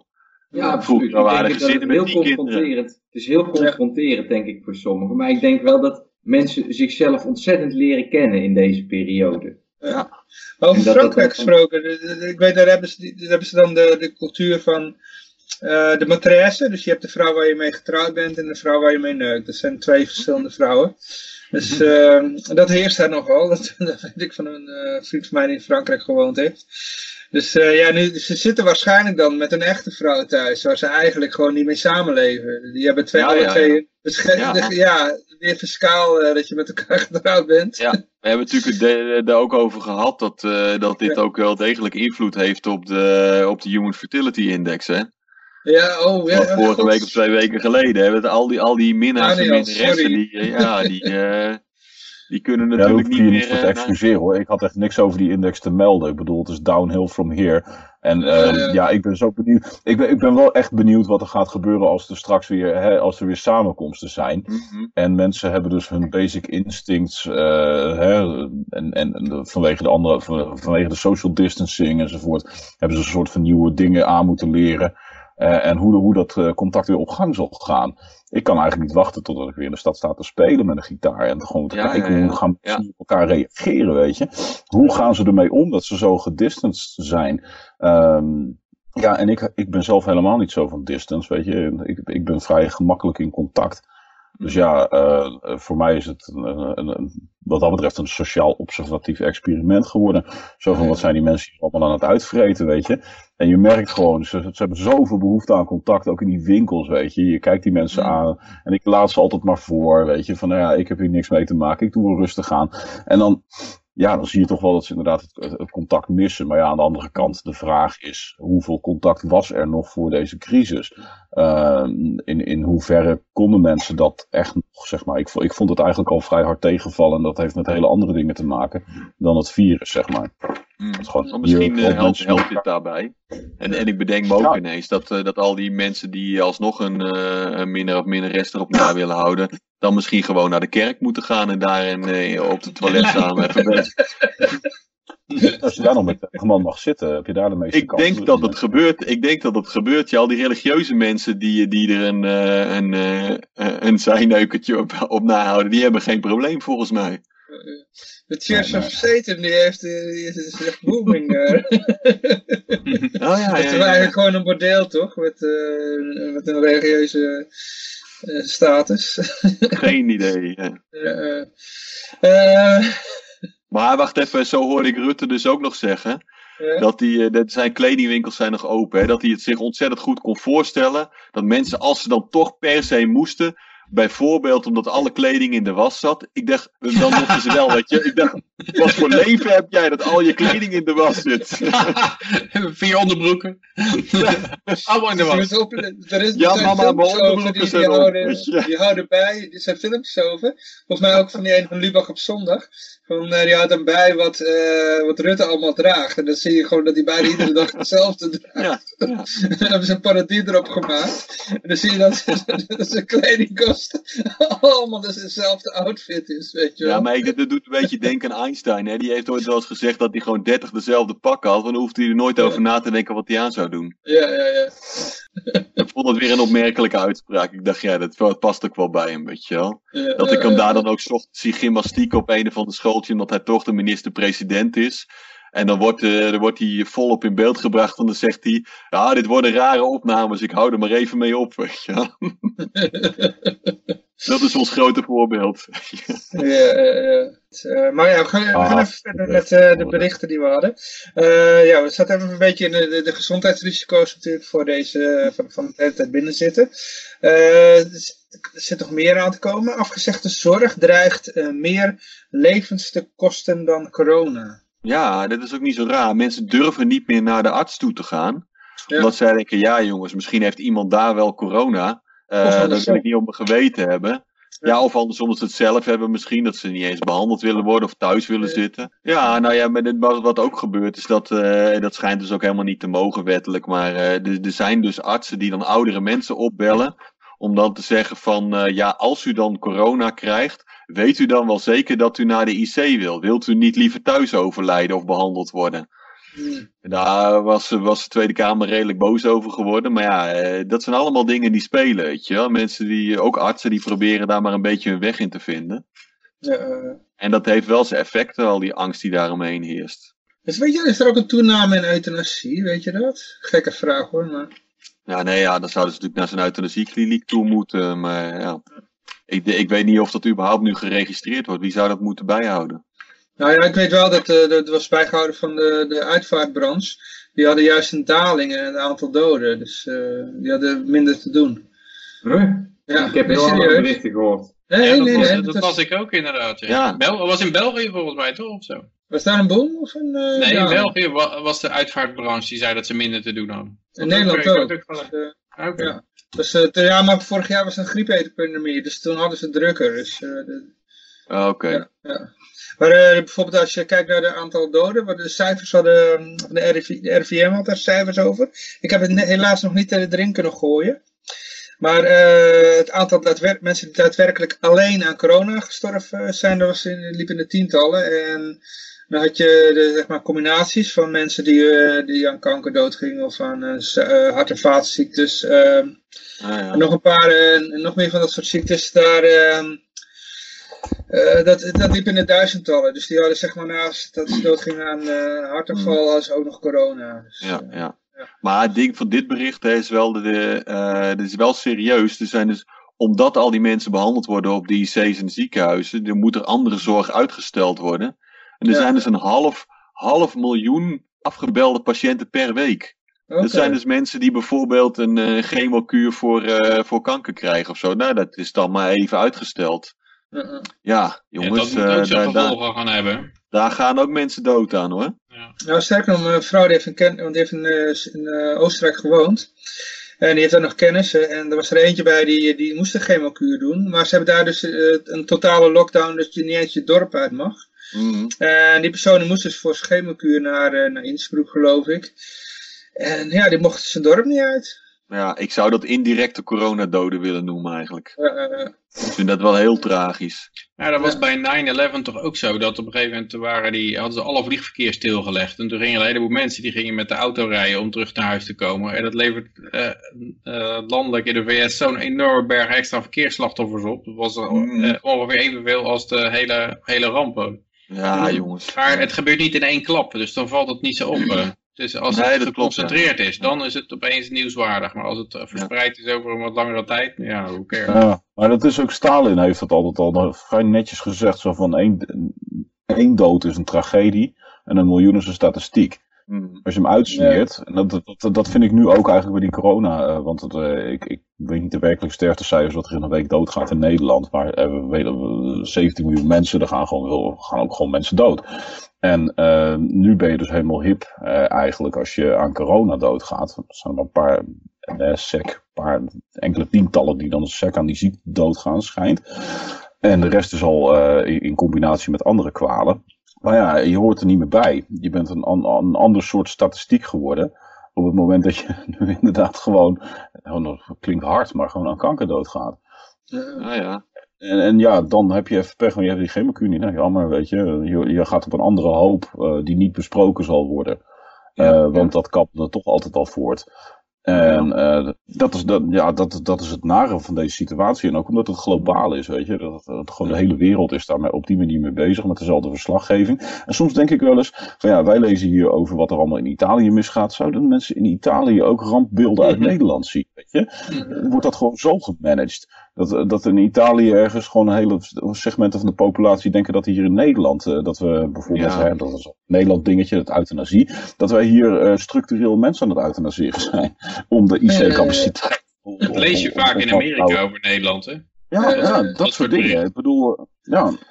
Nee, Maar ik had het eh, bericht sluit daar, wel, sluit er wel mooi op aan hoor. Weet je, dat, dat er nu, dus eh, eigenlijk eh, vooral het verhaal van Ira Helsloot hebben, die ik volgens mij één of twee weken geleden over gehad. Toen was hij op BNR eh, Nieuwsradio, was hij helemaal uitleg over aan het geven.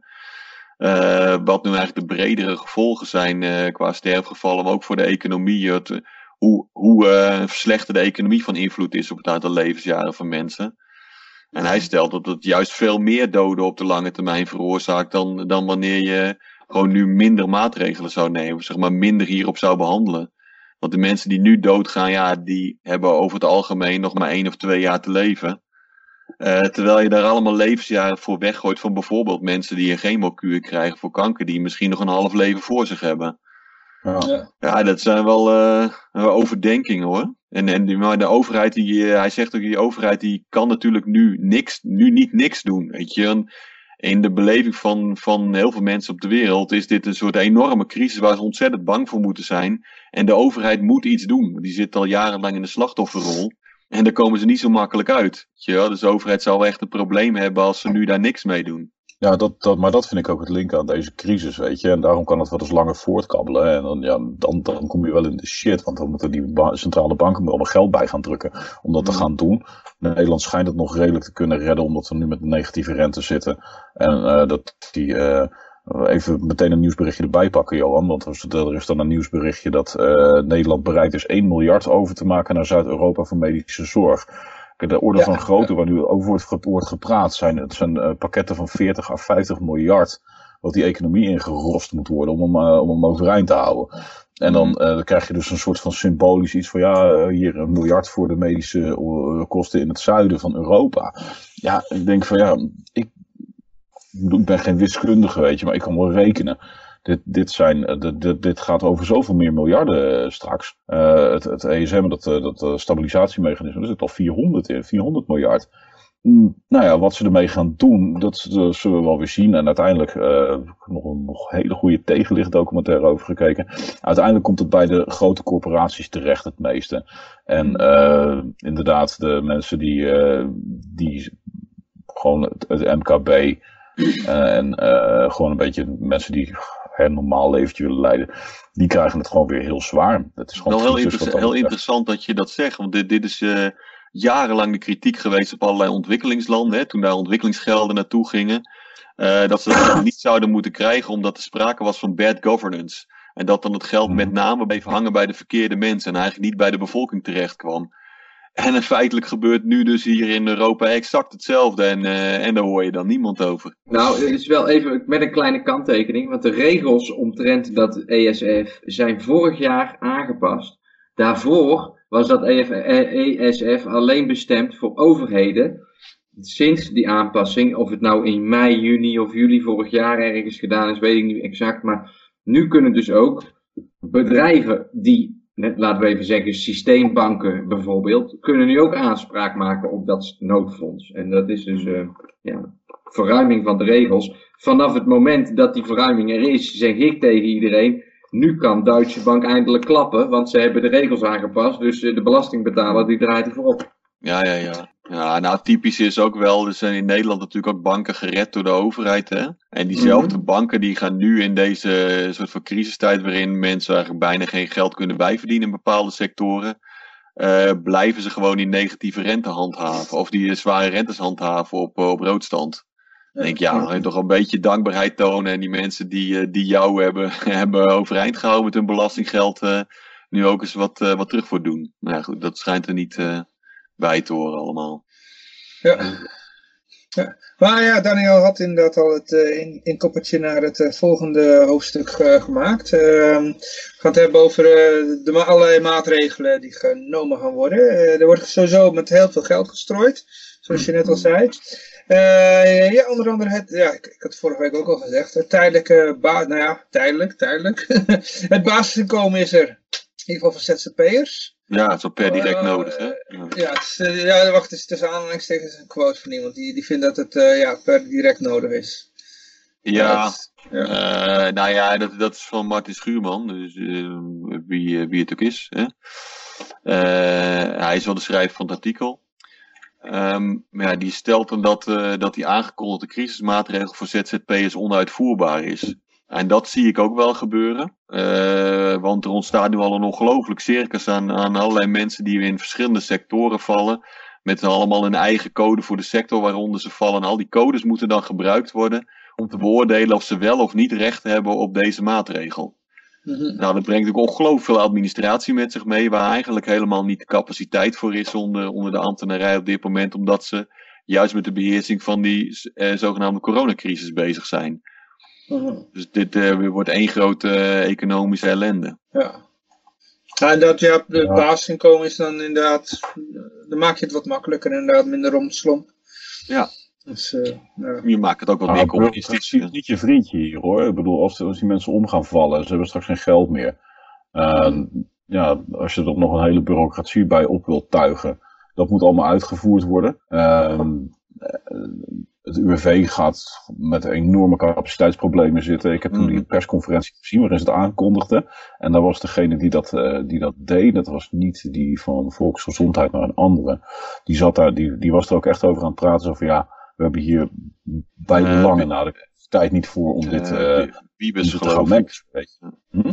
Ja, zal Wiebes zijn. Wiebes, geloof ik. Ja, maar, maar het ding is ook, ik heb het ook wel begrepen, allerlei mensen die hadden het idee, nou ja, dat zei Johan, zei dat net ook, van... Uh, ja, dan mag je uiteindelijk bij het UWV gaan aankloppen voor een of andere uitkering of bijzondere bijstand. Uh, maar het hele UWV weet nog van niks. Dus die is kennelijk in dat hele circus helemaal niet meegenomen. Nou, het, was een, het werd zelfs uh, het uitzendbureau die, die had mij laten vertellen. Die had mij verteld dat ze een. Uh, die las het ook voor.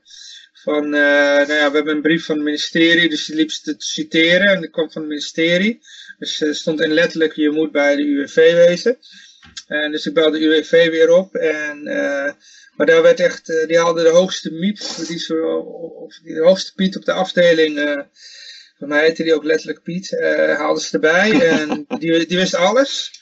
En die zei ook echt van, nee, dat is helemaal niet waar. En dat kan nooit zijn. En dit en dat. En liep helemaal te ontkennen dat er nou, het is niet eens mogelijk en wij hebben niks gehoord en ik heb iedere dag zit ik met het ministerie te bellen en nou, et cetera ja, het is, twee verschillende verhalen, weet je wel. en dan hoor ik een week later, of een paar dagen later in één keer, nee, krijg ik een brief van de UWV. Uh, want ik vroeg naar uh, onderbouwing of ze het op papier konden zetten. Want uh, weet je wel, met advocaten en al die shit moet je alles op papier hebben.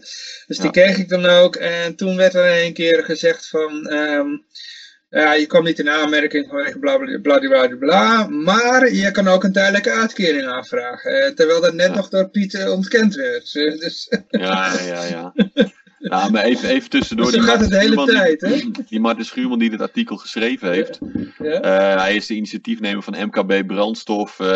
met 50.000 Oh, MKB's, ZZP's. Dus, maar ja, dus hij snapt wel hoe de, zeg maar, heel die administratie werkt. Alleen, ja, hij brengt tegelijkertijd ook een politieke oplossing in mijn beleving. En ik weet niet of dat nu helemaal zijn plek is. Ik vind dat niet, eh, ja, vind Met, dit ja, natuurlijk daar, met iedere crisis krijg je, gaan, die, gaan die mensen gewoon weer eh, balletjes opgooien, weet je wel. Dan is dat met name weer in de media. Iedereen heeft, weer zijn, iedereen heeft weer zijn persoonlijke agenda. En die, ja, dat is eh, hun, hun moment om te glanzen, zullen we zeggen. Ah, ja, ik, ik snap het natuurlijk wel. Die, die, die krijgt natuurlijk de hele dag al die, die mensen aan de telefoon. Dus die denkt van, ja jongens, strooi maar gewoon even met geld, weet je wel. Ja, hij heeft er persoonlijk belang in dat hij al het gezeur niet aan zijn hoofd wil.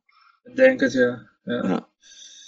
Dus, eh, nou ja, het was beter geweest als het er helemaal niet was. Nou, en ik denk ook dat je in, als je als overheid in zo'n crisis als dit aankomt, dan is het ook voor jouw zaak om gewoon een beetje te vertragen. Ik bedoel, als zij al die mensen de eerste dag zeggen, komt u morgen maar terug, dan hebben ze weer een dag gewonnen, om het maar zo te zeggen. En wie weet wat er morgen weer gebeurt.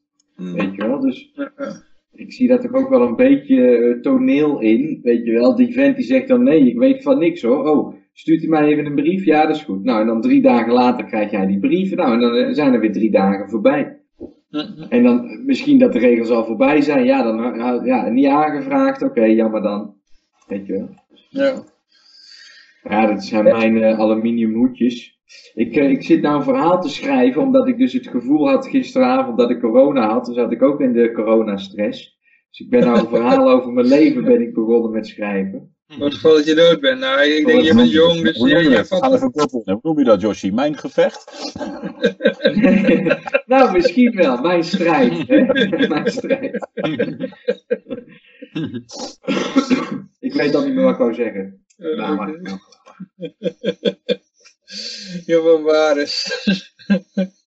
Dan ben ik moet ik even kijken waar ik ook alweer was. Ehm, even kijken hoor. Minister De Jonge schrapt privacyregels, eh, medische, eh, even ja, privacyregel, medische gegevens vanwege coronacrisis. Ja, inderdaad. Ja, dat, eh, alle agendas komen naar boven tafel. Hè? Het is ongelooflijk wat dat betreft. Ja, ja, ja. Dat is ook ideaal voor de hackers, hè? dan weten ze meteen waar ze moeten wezen. Ja. Nou, toch vraag ik me altijd af bij die medische gegevens, die privacyregels. Het doet altijd weer meer kwaad dan goed als de overheid jouw eh, privacy gaat beschermen. Want als je dan bijvoorbeeld, eh, ja, je ouders liggen in het ziekenhuis en, en je, eh, je wil wat vragen, dan zeggen ze, nee, eh, sorry, we kunnen we niks doen, dat mogen we niet zeggen. En je krijgt... eh, je krijgt altijd met privacy van de bescherming van de overheid te maken als het je super slecht uitkomt. Zodat je fulminerend en scheldend op privacy dus de, de zaak uitloopt. Dat is wel Dat, zo, dat, is ja. het, dat is het doel. En, en als het echt om jouw privacy gaat dat je belangrijk vindt, hè, bijvoorbeeld eh, dat je je bankgegevens niet op straat liggen of zo, of je, dan, dan, eh, dan is er opeens helemaal geen bescherming. Dus er is, er is alleen bescherming als het heel slecht uitkomt. Dus eh, ja, ik denk dat Ja, Ja, wij... zo- ik zo- ook. eh. Dit Hmm. is eh, zeg maar hetzelfde als met het donorregister. Eerst moest je aangeven wie donor werd. Nou moet je aangeven dat je geen donor wilt worden.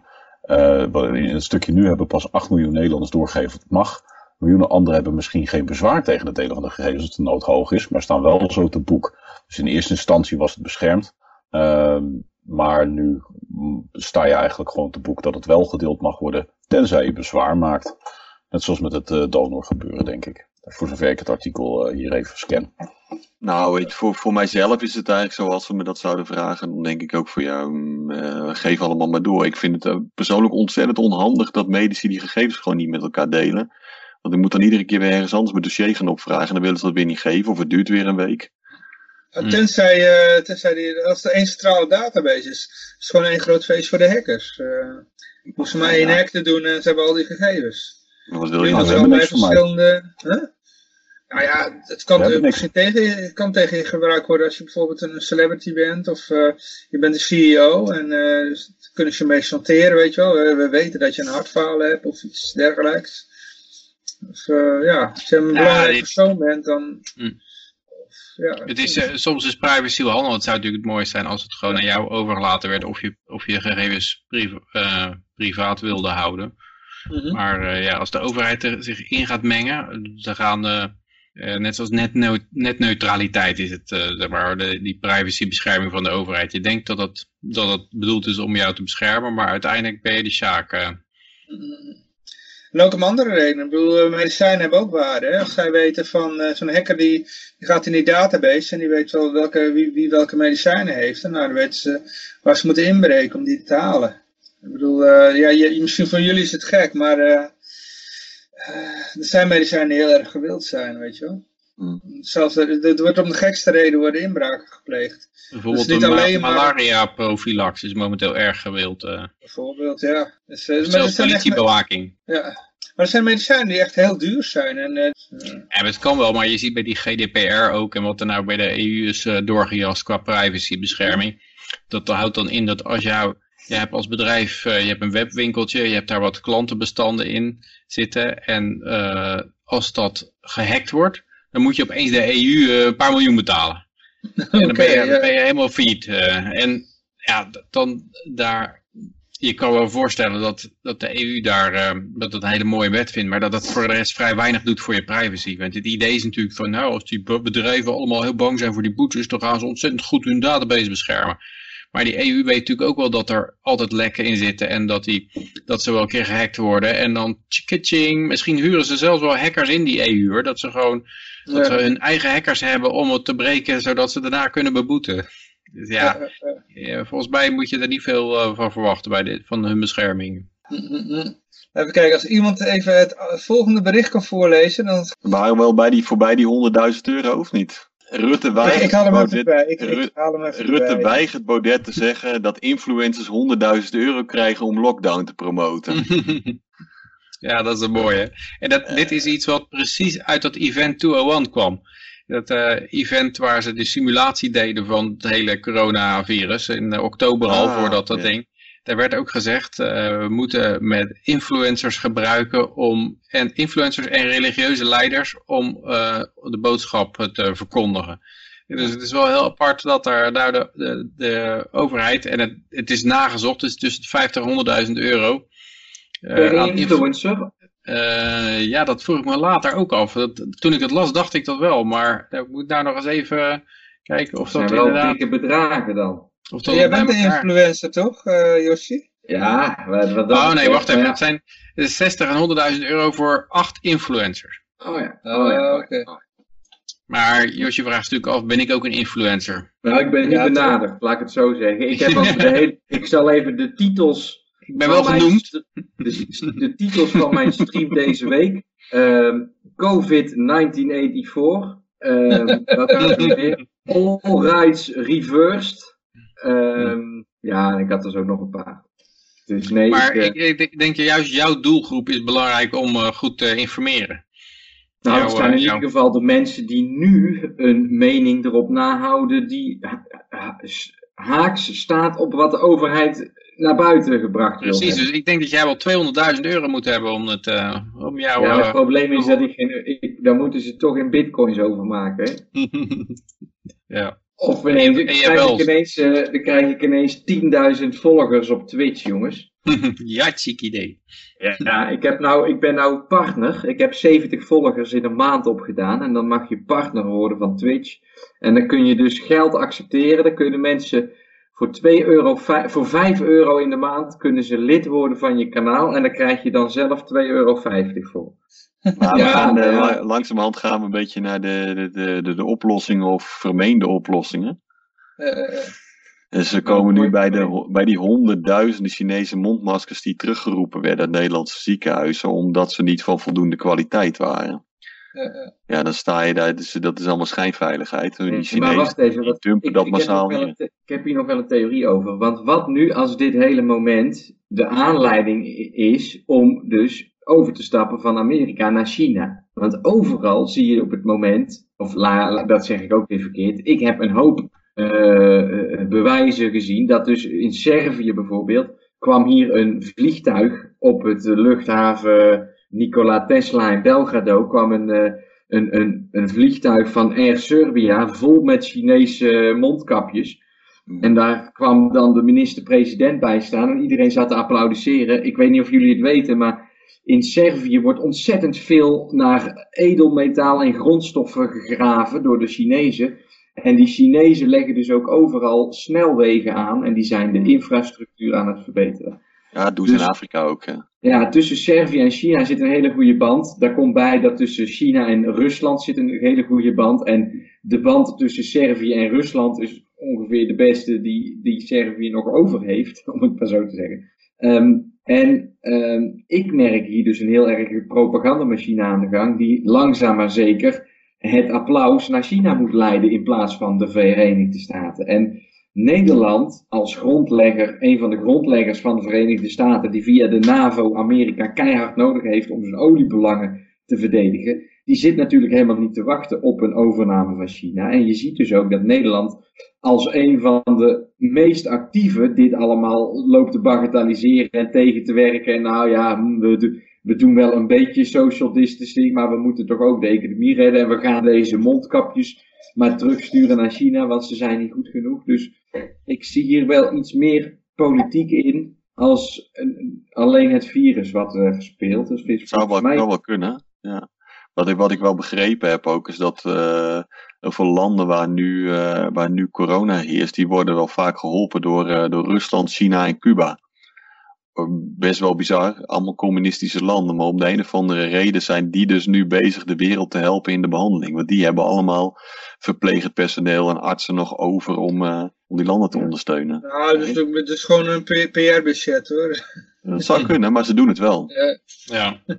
Ja, en dat is ook dus- wel, het is natuurlijk ook een beetje getuige van goede wil. Want aan de ene kant is ja, de eh, Russische inmenging in de verkiezingen en, de- en zowel de Russen als de Chinezen hebben continu die Amerikaanse omcirkeling door, en net zoals Iran ook, door allemaal basis en, en wapengeweld en, de- en propaganda. En dan, dan is het altijd mooi om even hulp te sturen, een vlieg, eh, vliegtuig met hulp. Ja. En ik vind het wel, ja, het is, het is wat moeilijker om dan de, die oorlogretoriek op te voeren, denk ik, door dat soort acties. Ik vind het wel een Ja. leuk initiatief. Ja, ik vraag me dus af in hoeverre heeft dit nou gewoon betrekking op het feit dat China een keer heeft gezegd van jongens, eh, al die eh, sancties heen en weer met Amerika. Ik denk dat wij als China maar eens een keer gaan stoppen met het accepteren van dollars. En ja, dat zijn ja. maatregelen. ik zie hier dus een shift in van het westen naar het oosten. En dat, dit, dit is het kantelmoment waarop wij eh, naar China gaan luisteren. Nou, Nou, dat denk ik heel- China, heeft mensen. geen, China heeft geen aantrekkelijke cultuur, hè? dat moet je niet vergeten. Kijk, de shift naar, van dat Amerika zich oppermachtig werd. Mhm. Amerika had een aantrekkelijke cultuur met eh, Coca-Cola en jeans en Ja. sigaretten en eh, Maar, McDonald's. In de, Dat heeft China afgelopen, niet. in de afgelopen 30 jaar heeft China zijn, zijn zweet, eh, zich het zweet in de bilnaad gewerkt. Het enige wat wij hebben gedaan, of in ieder geval Amerika heeft gedaan, is geld bijgedrukt. De, Mhm. de- die Chinezen zijn ook niet gek natuurlijk. En die hebben nu ontzettende lading aan reserves opgebouwd. Ik bedoel, daar kunnen ze, daar kunnen ze heel Amerika vijf keer verkopen. Wat zij in de, hè? Dus wanneer zeggen die Chinezen nou van, het is nou wel een keer mooi geweest met al dat Amerikaanse staatspapier. We zijn er klaar mee. En eh, ik denk dat dit het moment is. En dat daarom nu de schappen leeg zijn of weet ik het wat. Dat daarom alles zo op zijn kont ligt. En ja, oké. eh, hè, dat, dat coronavirus bijvoorbeeld komt ook uit China. Dus wie zegt dat zij het niet gewoon op deze manier gereleased hebben om, om er doorheen te drukken dat eh, het rest op zijn kont va- valt. Want Ah, daar dat- komen we straks ook nog even op, inderdaad. Over Ja, eh, de, de samensweringsthema. Welke, Maar het is- welke conspiracies zijn er allemaal in omloop? Ja, ja, ja. Die, Nou, eentje ervan is dat de Chinezen alles willen opkopen. Dus alles is, hele beurs van alles is omlaag gegaan. Dus de Chinezen kunnen alles goedkoop eh, Ja, opkopen. hun maar ik moest, ook even, natuurlijk. ja, ik moest even Jo- Josje wat in herinnering brengen. Want Jo- Josje zegt, jij zegt in jouw stream heel vaak van, ik heb van bepaalde coin, crypto coins, heb ik nooit meer dan duizend. Want eh, Nee. als je het meer dan hebt dan, eh, en je gaat dan zeg- dat verkopen, dan, dan, dan ja, nou, vertel jij Ja, het ik maar in zeg je altijd, ik, ik koop maximaal 1 promiel van een munt. Ja. Dat is Maar China, China heeft een, he- een belachelijke hoeveelheid Amerikaanse dollars. ja. En dat ze daarmee dan eh, gaan, gaan shoppen op de beurs. Ik bedoel, eh, als ze te veel van, van alles hebben, dat, dat kan ook in hun... eh, tegen hun gaan werken. Ja, maar dat is het punt precies, Johan. Ze hebben al die dollars, maar ze kunnen het al lang niet meer kopen. Ze kunnen dat nog. Nee. als ze Die dollars gaan goud en olie en noem maar op mee gaan kopen en aandelen. Ja, maar ik denk dat de Amerikaanse centrale bank nog steeds meer dollars heeft. Eh. Ja, die, Ja, knallen, die er gewoon even...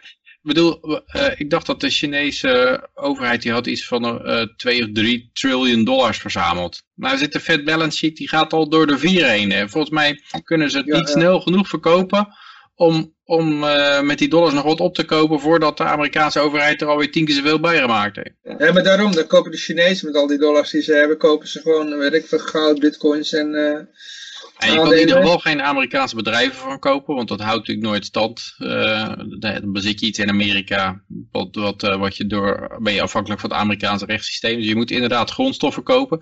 Maar dan, Ah, dat, het is dat wel blijft- hoe, de, eh, hoe de Chinezen dat in heel veel, eh, veel andere landen gedaan hebben. Vooral in Afrika hebben ze heel veel, heel veel bedrijven opgekocht en eh, juist daar de, de lokale markt geïnfiltreerd. Ja, maar in Afrika kan het, eh, ja, werkt het ook wel, denk ik. Maar ik denk in- Amerika is het natuurlijk ook al voorgekomen dat ze om strategische redenen bepaalde bedrijven niet mochten kopen. Eh, het bedrijf waarbij, waar ik bij zat, eh, overkwam dat al.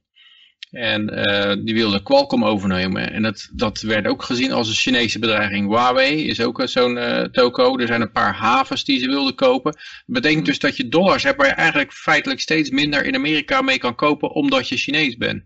Ja. Dus je eh moet, je ja, moet ook niet vergeten, er wordt vaak, eh, vaak worden alle Chinezen op één hoop gegooid, maar je hebt ook gewoon hele rijke Chinezen die gewoon letterlijk uit China gevlucht zijn mhm. en wel heel veel geld verdiend hebben. En die willen dan ook wat kopen. En er wordt vaak op één hoop gegooid met eh, het land China wil iets kopen. Terwijl dat gewoon een rijke Chinees individu is die vaak blij is dat hij uit China weg is. ja, natuurlijk. Over die- heersers die- en onderdanen. Ja.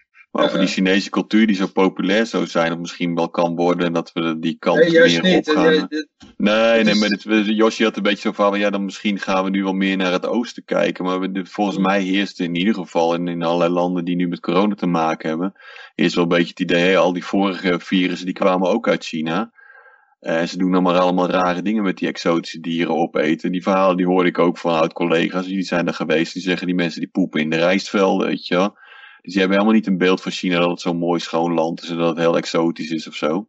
Het is gewoon is het een- zeker niet. dat En nou is- voorbeeld? is gewoon een ranzig land waar allerlei rotzooi vandaan komt. Ja, en Nederland dan. Ja, met, je met hun, eh, met hun eh, ge- ge- ge- GMO's en eh, dat soort rotzooi. Ja, ik denk wel degelijk dat, dat China de, de, de toekomstige eeuw wordt die van China. Maar dat wil niet zeggen dat, je dat, dat, dat ze er nu al zijn.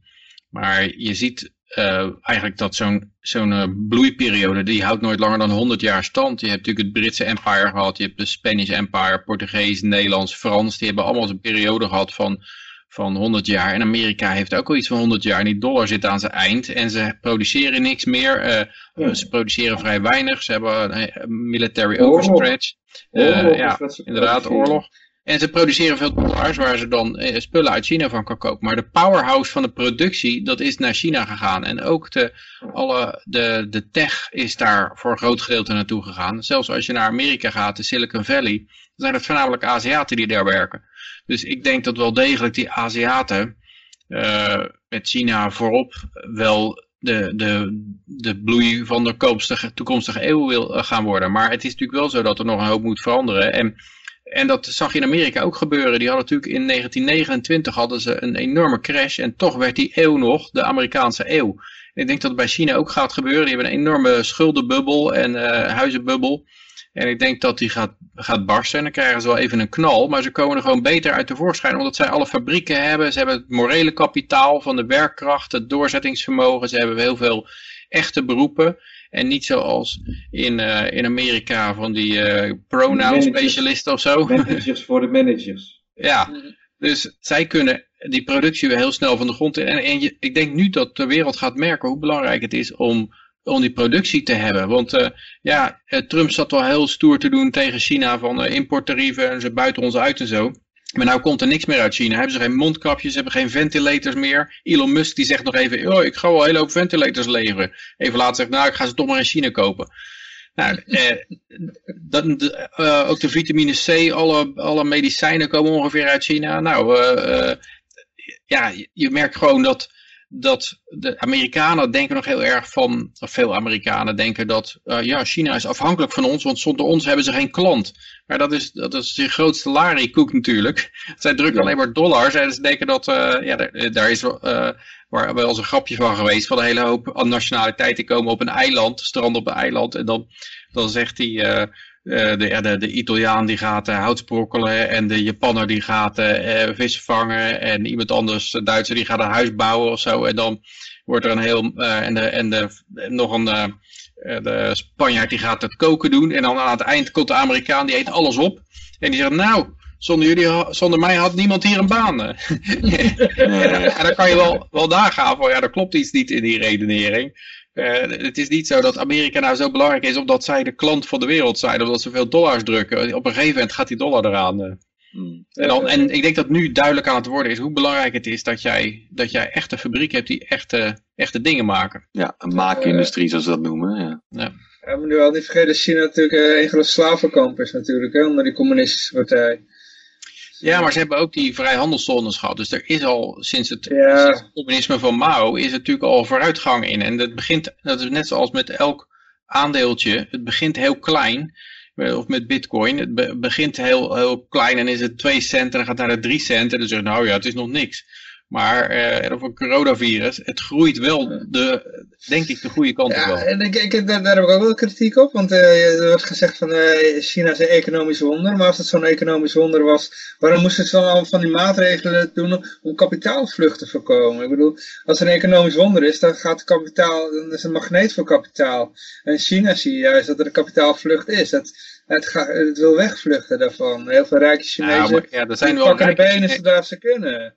Dat is waar, maar er is natuurlijk enorm veel kapitaal naartoe gegaan. Daarom staan die fabrieken daar ook allemaal en die, ja, uh, die enorme productie. En daarom heeft die overheid ook uh, 3 triljoen aan dollars kunnen verzamelen. Omdat hun munt, die yuan, die ging zo omhoog door buitenlandse investeringen. Dat ze er een heleboel van bij konden drukken. En daar hebben ze dollars, uh, hebben ze ongewisseld voor dollars zo hun munt laag gehouden. En daarvoor hebben ze nou 3 triljoen dollars.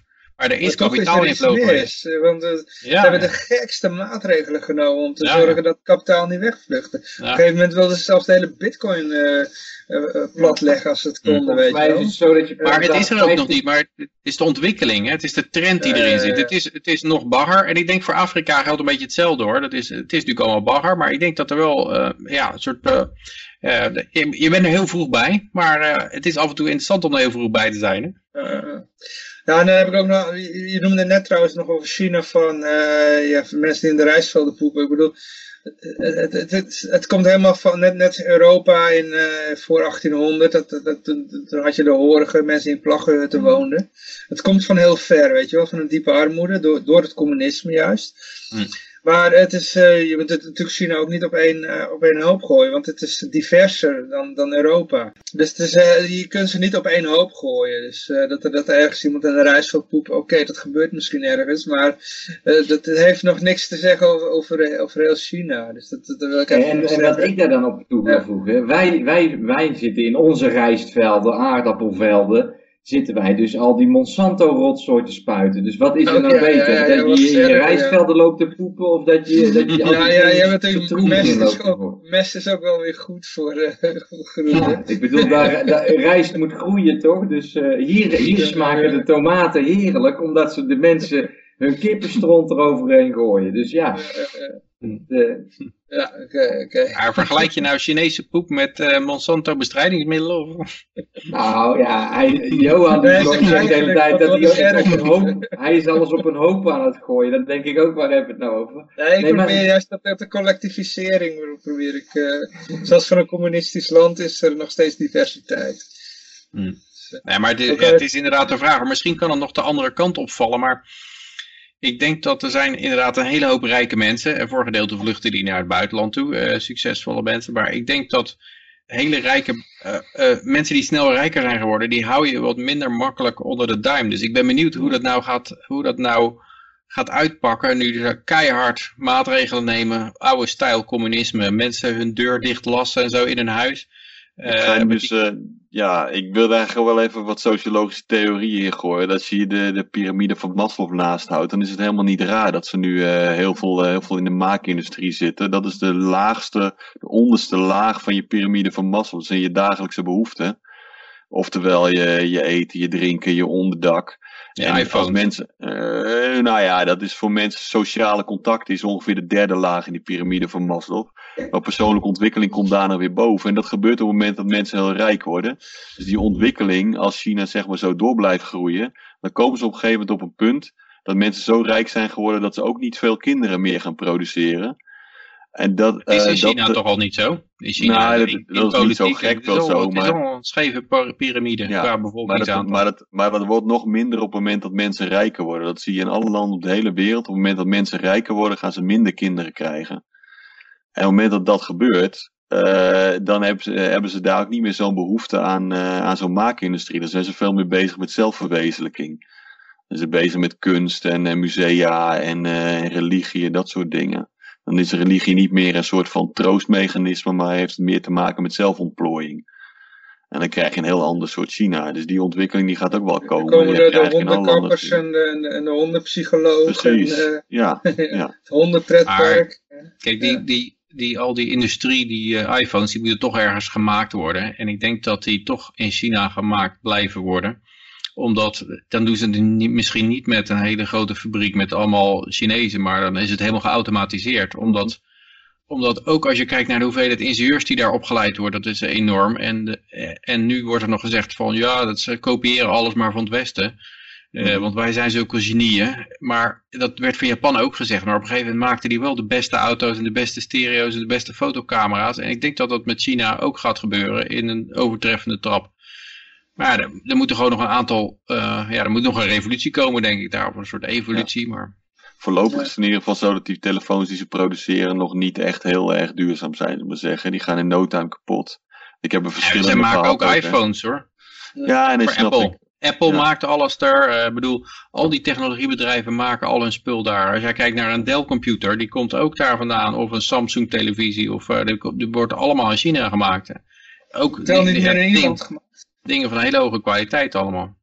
Nee, natuurlijk, maar die ontwerpen die komen oorspronkelijk niet, eh, niet uit China. Nee, maar daarvoor kan je zeggen, kijk die chips die, die ik mee help ontwikkelen, die worden dan in Californië ontwikkeld. Maar er zitten ook allemaal Aziaten. Hmm. Dus ja, dat maar zijn zitten toch... daar wel heel, heel dicht bij allerlei hoogstaande kennis die ze daar nu nog hebben. Ik geef ook wel toe dat dat, dat gaat natuurlijk veranderen. Hè? Ook op patentaanvragen, nu staan, staan steeds meer Chinezen op patentaanvragen. Dus er- daar, ja, ik denk dat zij gewoon meer drive hebben om, om nog keihard te werken. En om nog wat, ze, die hebben nog het idee van als ik hard werk, dan kan ik wat van mijn leven maken. Terwijl in het Westen hebben wij zoiets van ja, als je, als je hard werkt, dan word je toch eh, een beetje eh, helemaal eh, leeggemolken. En, ehm, en, eh, en uitgescholden en zwart gemaakt. Je hebt, doordat je in het Westen, om het maar even het Westen te noemen, doordat je in het Westen vaak een, nou, een aantal koningshuizen hebt, die op de lange termijn aan hun regering, of nou aan hun positie moeten denken, eh, heb je gewoon een vrij socialistische staat. Hè? De Nederlanders ontvangen ontzettend veel geld van een overheid. De- veel meer dan een Chinees. Dus Ja. Die Nederlanders, als ze het niet eh, leuk vinden, dat zeg ik in ieder geval al vaak. En als ze iets, iets niet leuk vinden, dan gaan ze gewoon naar de overheid en dan zeggen ze: Ik vind het niet leuk, geef mij eens geld. En die overheid die, eh, die betaalt wel, weet je wel. En in China, ja, vergeet het maar. Er gaat helemaal niemand voor jou iets regelen. Hmm. Eh, je hebt het zelf maar op te lossen. En dus gaan die mensen werken, want ja, daarmee lossen ze het op. Nou, Die, dat is wel een dat, beetje. Oh, ja. ja. nee. Nou, ik denk dat, dat inderdaad die draai, dat gaat gemaakt worden. Dat, eh, dat, dat je op, op een gegeven moment gaat zien van, hé, hey, het is toch wel het oude, het Westen, wat altijd het rijke Westen was. Dat is een beetje een eh, in elkaar gezonken oude bejaardenhuis geworden. Waar mensen allemaal menen enorm veel rechten te hebben. En die hebben hun hele leven lang gevochten voor rechten. En, maar er is, er is helemaal geen basis meer om, om dat allemaal te bekostigen. En, Ja. en die kinderen van die rijke mensen, die zijn totaal ontspoord. Die hebben het geen idee wat voor geslacht dat ze hebben. En die denken dat ze heel de dag, eh, ja, weet ik het wat ze heel de dag doen, op, eh, op, op, eh, op Twitch kunnen streamen als, als hun beroep.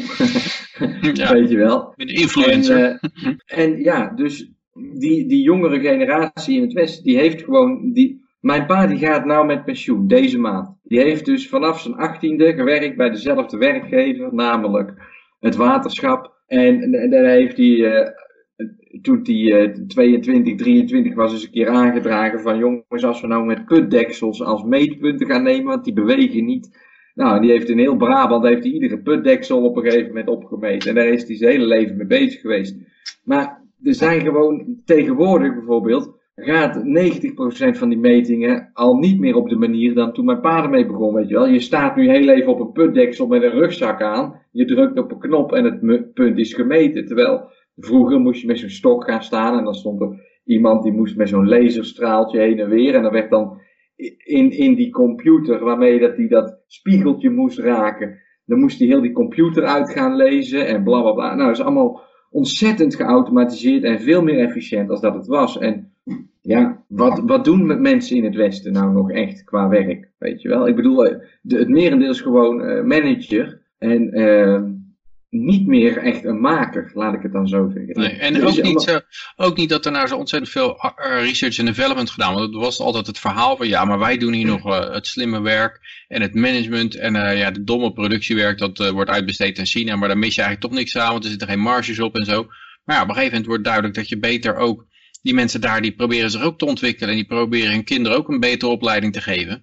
Dus dan zie je, zie je dat ze daar ook al uh, ontwikkelwerk gaan overnemen en, en ook management, uh, want het is ook gewoon onhandig om van hieruit een bedrijf in China te managen. Dus ja, dat, uh, uiteindelijk gaat daar steeds meer heen. En ik denk dat die hele arrogante houding van, ja, het zijn een stel domme, domme hiks die, ja, dat dat, dat het nog wel eens duur te staan kan komen. Maar we moeten wel even verder met de berichten. Want het Hoeveel hebben we er nog? Ja, ja, dat wordt dus steeds minder.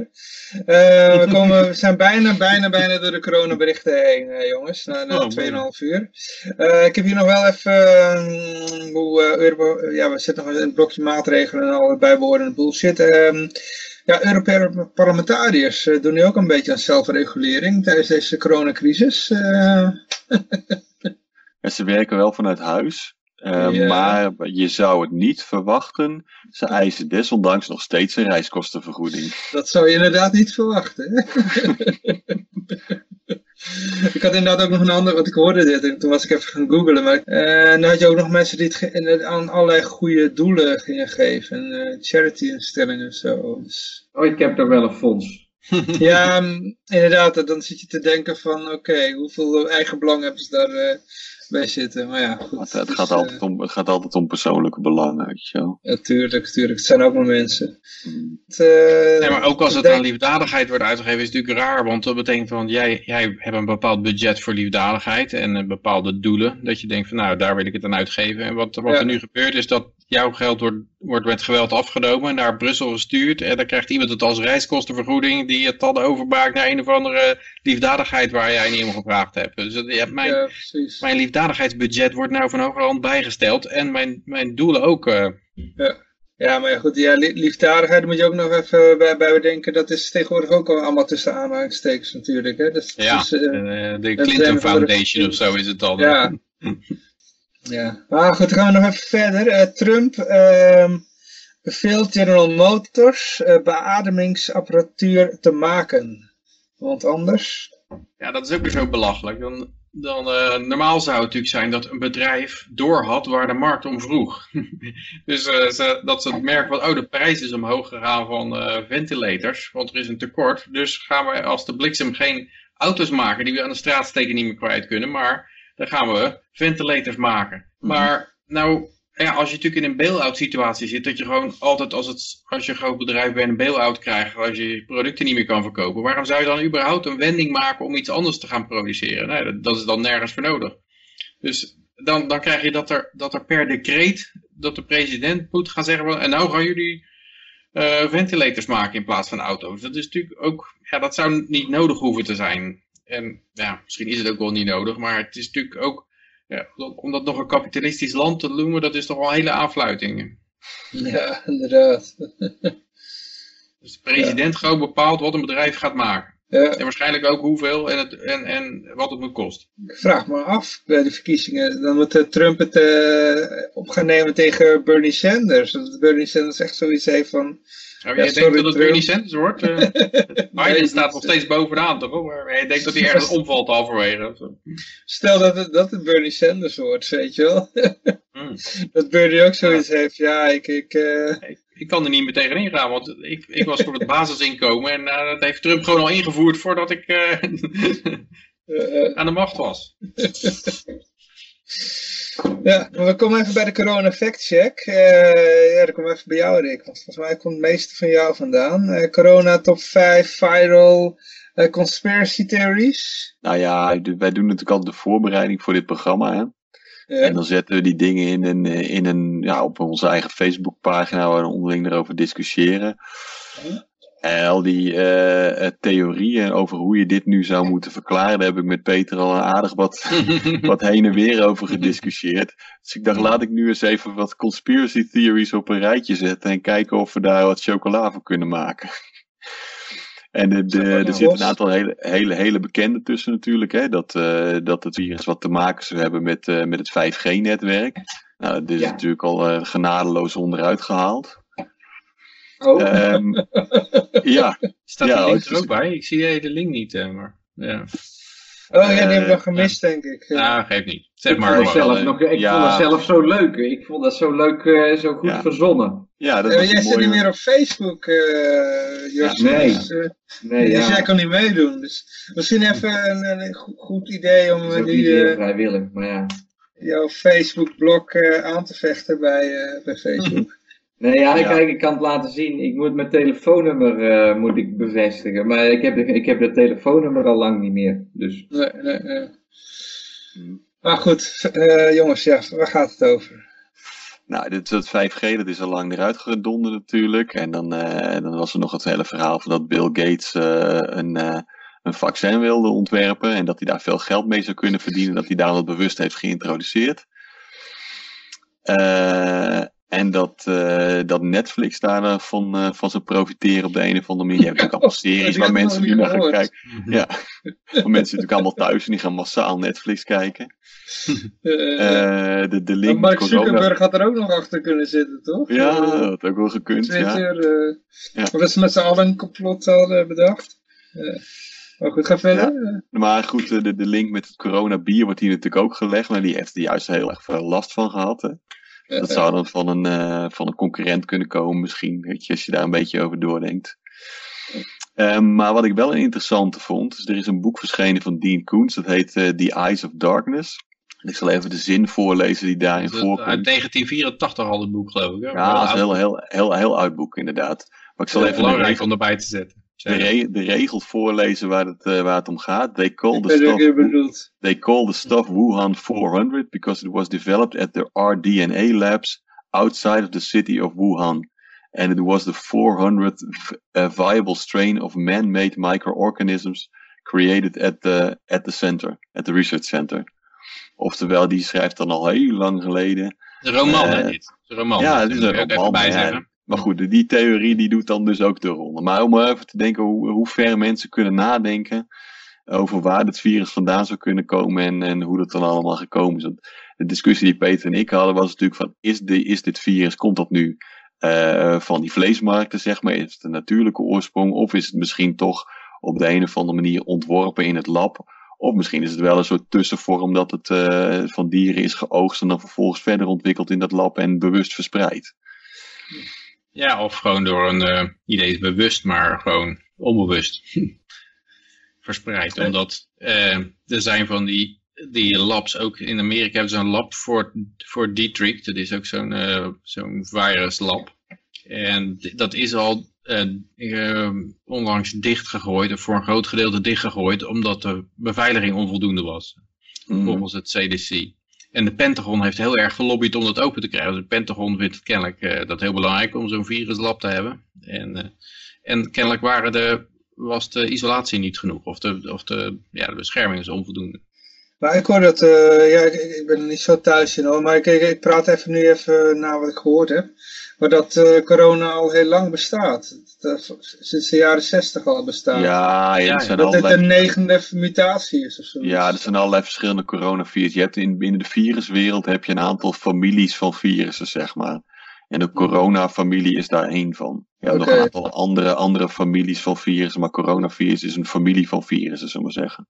Maar komt de, de coronavirus dan niet gewoon daar vandaan dan? Dus dat het gewoon ja, mutatie kan, is? kan gemuteerd zijn, maar mm -hmm. dan is wel de vraag hoe en waarom en wanneer dan. Ja. Kijk, dat, is toch iets wat, waar, waar, waar Rick en ik een beetje een discussie over hadden, was uh, dat hij had een artikel, en er stond in van, uh, nou, het is definitief bewezen dat het, dat het uit de natuur kwam. En dan denk ik, ja, hoe kan je dat nou definitief bewijzen? Want, mm. ja, want we, je weet niet wat er in zijn laboratorium gebeurt. En toen had ik een ander artikel, en die zei van, ja, uh, ik ga dat artikel eens even uit elkaar halen, dat Nature artikel waar dat dan in stond.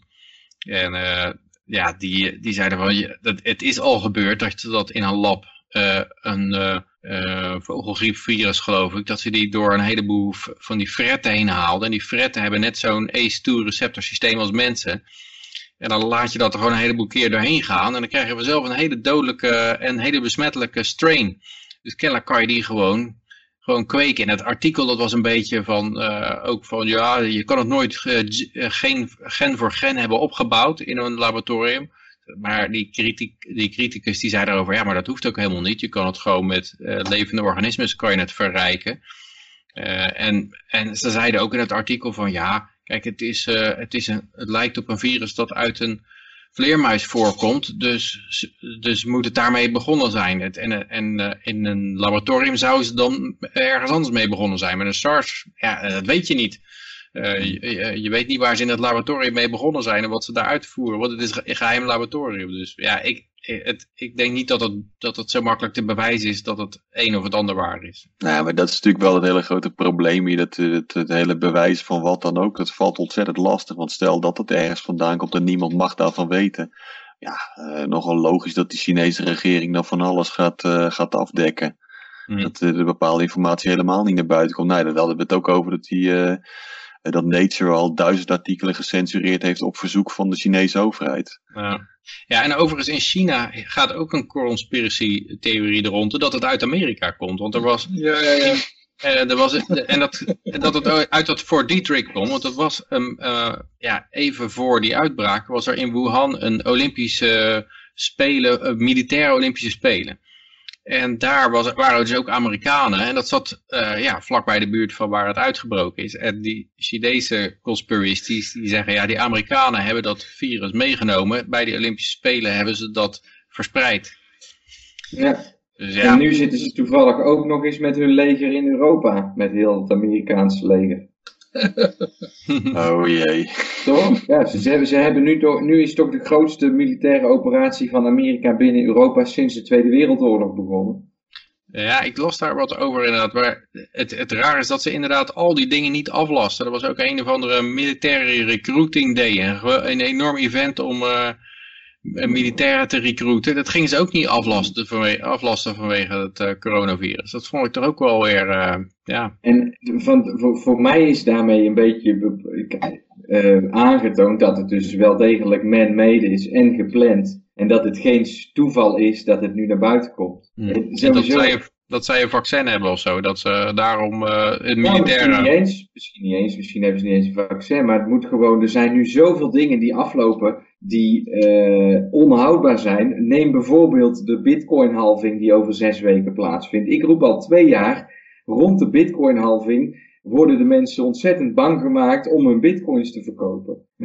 en nu gebeurt er dit. Ja, dat kan toeval zijn. Te verkopen, ja. Nu, nu, word je nu word je gemanipuleerd in je denken om bitcoins te verkopen om wc-papier te gaan kopen. En dat is wat het nieuws jou vertelt. Weet je wel. En ja, dat, daarmee wil ik niet zeggen dat het daarmee bewezen is dat het allemaal correct nou, is. Maar hoeveel... bitcoin is 200 euro gedaald uh, tijdens ja, uh, sinds, we, ja, terwijl wij bezig maar, zijn. Sinds, uh, ik bedoel te zeggen, hoeveel, hoeveel dingen komen er nu nog echt zomaar ineens uit de natuur? Ja, er komt, enorm veel, er komt enorm veel samen wel, want het is ook zo, vind ik wel apart, dat als jij heel veel geld... MH17 onderzoek. Noem het gewoon allemaal op. Alles, ja, ze alles- gooien alles er nou in. Ja. Want als je iets kwijt moet, dan kan je het nu doen. eh. Maar wat ik ook apart vind, is dat als je zoveel geld bijdrukt, dan krijg je normaal inflatie. Want het, de, de, er is veel meer geld dat goederen najaagt. Maar er zit nog een andere component in inflatie, behalve de geldhoeveelheid. Dat is de omloopsnelheid. Want als je heel veel geld bijdrukt, maar iemand legt dat in zijn kelder neer en die doet er niks mee, dan, dan werkt het niet als, als inflatoire. Dus als je de omloopsnelheid reduceert en mensen zijn, en dat gebeurt als mensen bang worden. Dus als je heel angstig bent, dan ga je sparen en dan ga je je geld vasthouden, dan ga je niet meer uitgeven. Dan kan je het effect van die inflatie vermaskeren, zeg maar. Je kan een hele hoop geld drukken zonder dat je dat ziet, omdat mensen dat allemaal eh, eh, ja, opstapelen en niet uitgeven. En dat is nou precies wat er gebeurt daar. Je wordt een hele hoop geld bijgedrukt, maar je kan het eigenlijk eh, heel moeilijk uitgeven, want alles, alles zit dicht. En de, de hele, hele economie wordt stilgelegd. Dus dat betekent dat je nog best deflatie kan krijgen, ondanks een enorme berg, of geld, prijsdaling, ondanks een enorme berg gelddrukkerij. Omdat, Terwijl de eh, overheid wel heel veel geld uitgeeft. ja, nou dan, gaat het, dan kan de overheid het uitgeven zonder dat de prijzen omhoog gaan. Omdat de gewone Ja. burger, die houdt zijn geld angstig, angstvallig vast. Ja, of die heeft de keuze niet eens om het uit te geven. Ja, dat, dat, zelfs dat is voor een gedeelte het, je kan niet eens naar de kapper toe of zo bijvoorbeeld. Ik, ik kan Ja, het kan best wel eens zijn dat het niet zo hard omhoog gaat als dit weer los wordt gegooid. Want, want je denkt van ja, eigenlijk heb ik het ook allemaal niet nodig. Volgende week is weer ergens anders corona, dus laat ik het maar een beetje vasthouden. Hm. Ja, misschien komt het wel terug. In China had je ook een second wave en zo. En dat, eh, dat was natuurlijk ook wat er in Event 201 besproken werd. Dat er een tweede golf kwam, die erger was dan de eerste. Dus dat eh Eh, blijf je ook nog houden. Zou kunnen, ja. Maar eh, even kijken, we gaan nog even verder. We hadden over, eh, even kijken, we waren bij Trump. eh, oh ja, hier. Eh, gebruik geen ehm, pandemie om het verlies aan biodiversiteit aan de kaak te stellen. Ja, het is een hele ingewikkelde theorie. Oké. Eh, maar het, eh, het verhaal komt erop neer dat als er minder biodiversiteit zou zijn op aarde, dat dan de kans op een pandemie groter zou zijn. En dat Ja. hele idee gaat ervan uit dat eh, de dieren, die diersoorten die dan overblijven als er minder biodiversiteit is, zijn hele eenvoudige soorten die zichzelf heel snel reproduceren. En dat soort soorten die heeft dus een eh, veel minder sterk immuunsysteem, omdat ze niet zo lang hoeven te overleven. Mhm. Eh, dus in de, dat is dan de redenering om dat, eh, om zeg maar te zeggen dat je meer biodiversiteit zou moeten hebben en dat er dan niet zo snel een pandemie zou zijn.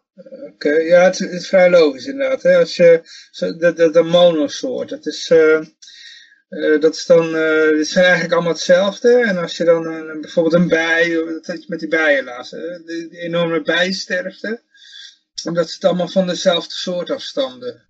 Mhm. Toch? Eh, Dat, dat, dat wil je Ja, zeggen? maar bi- biodiversiteit gaat er met name om, eh, om allerlei verschillende soorten. hè. En Ja, de, ja. De, de, de biodiversiteit waar ze hier op doelen is dat, dat zo'n systeem niet alleen maar van die generalisten moet hebben die zich heel snel reproduceren. Zoals allerlei kleine insecten en, en, en muizen en ratten en zo. Maar dat je ook hele bijzondere soorten nodig hebt, zoals bijvoorbeeld hele kleurrijke zangvogels en dat soort dingen. Ja, ja, ja. Eh, want die dragen dan niet zo snel zo'n virus over. En die nemen natuurlijk wel ruimte in in zo'n biosysteem, waardoor die generalisten minder ruimte hebben om te overleven. ja dat is logisch. Ja. Ja, dus dat zou dan de redenering zijn.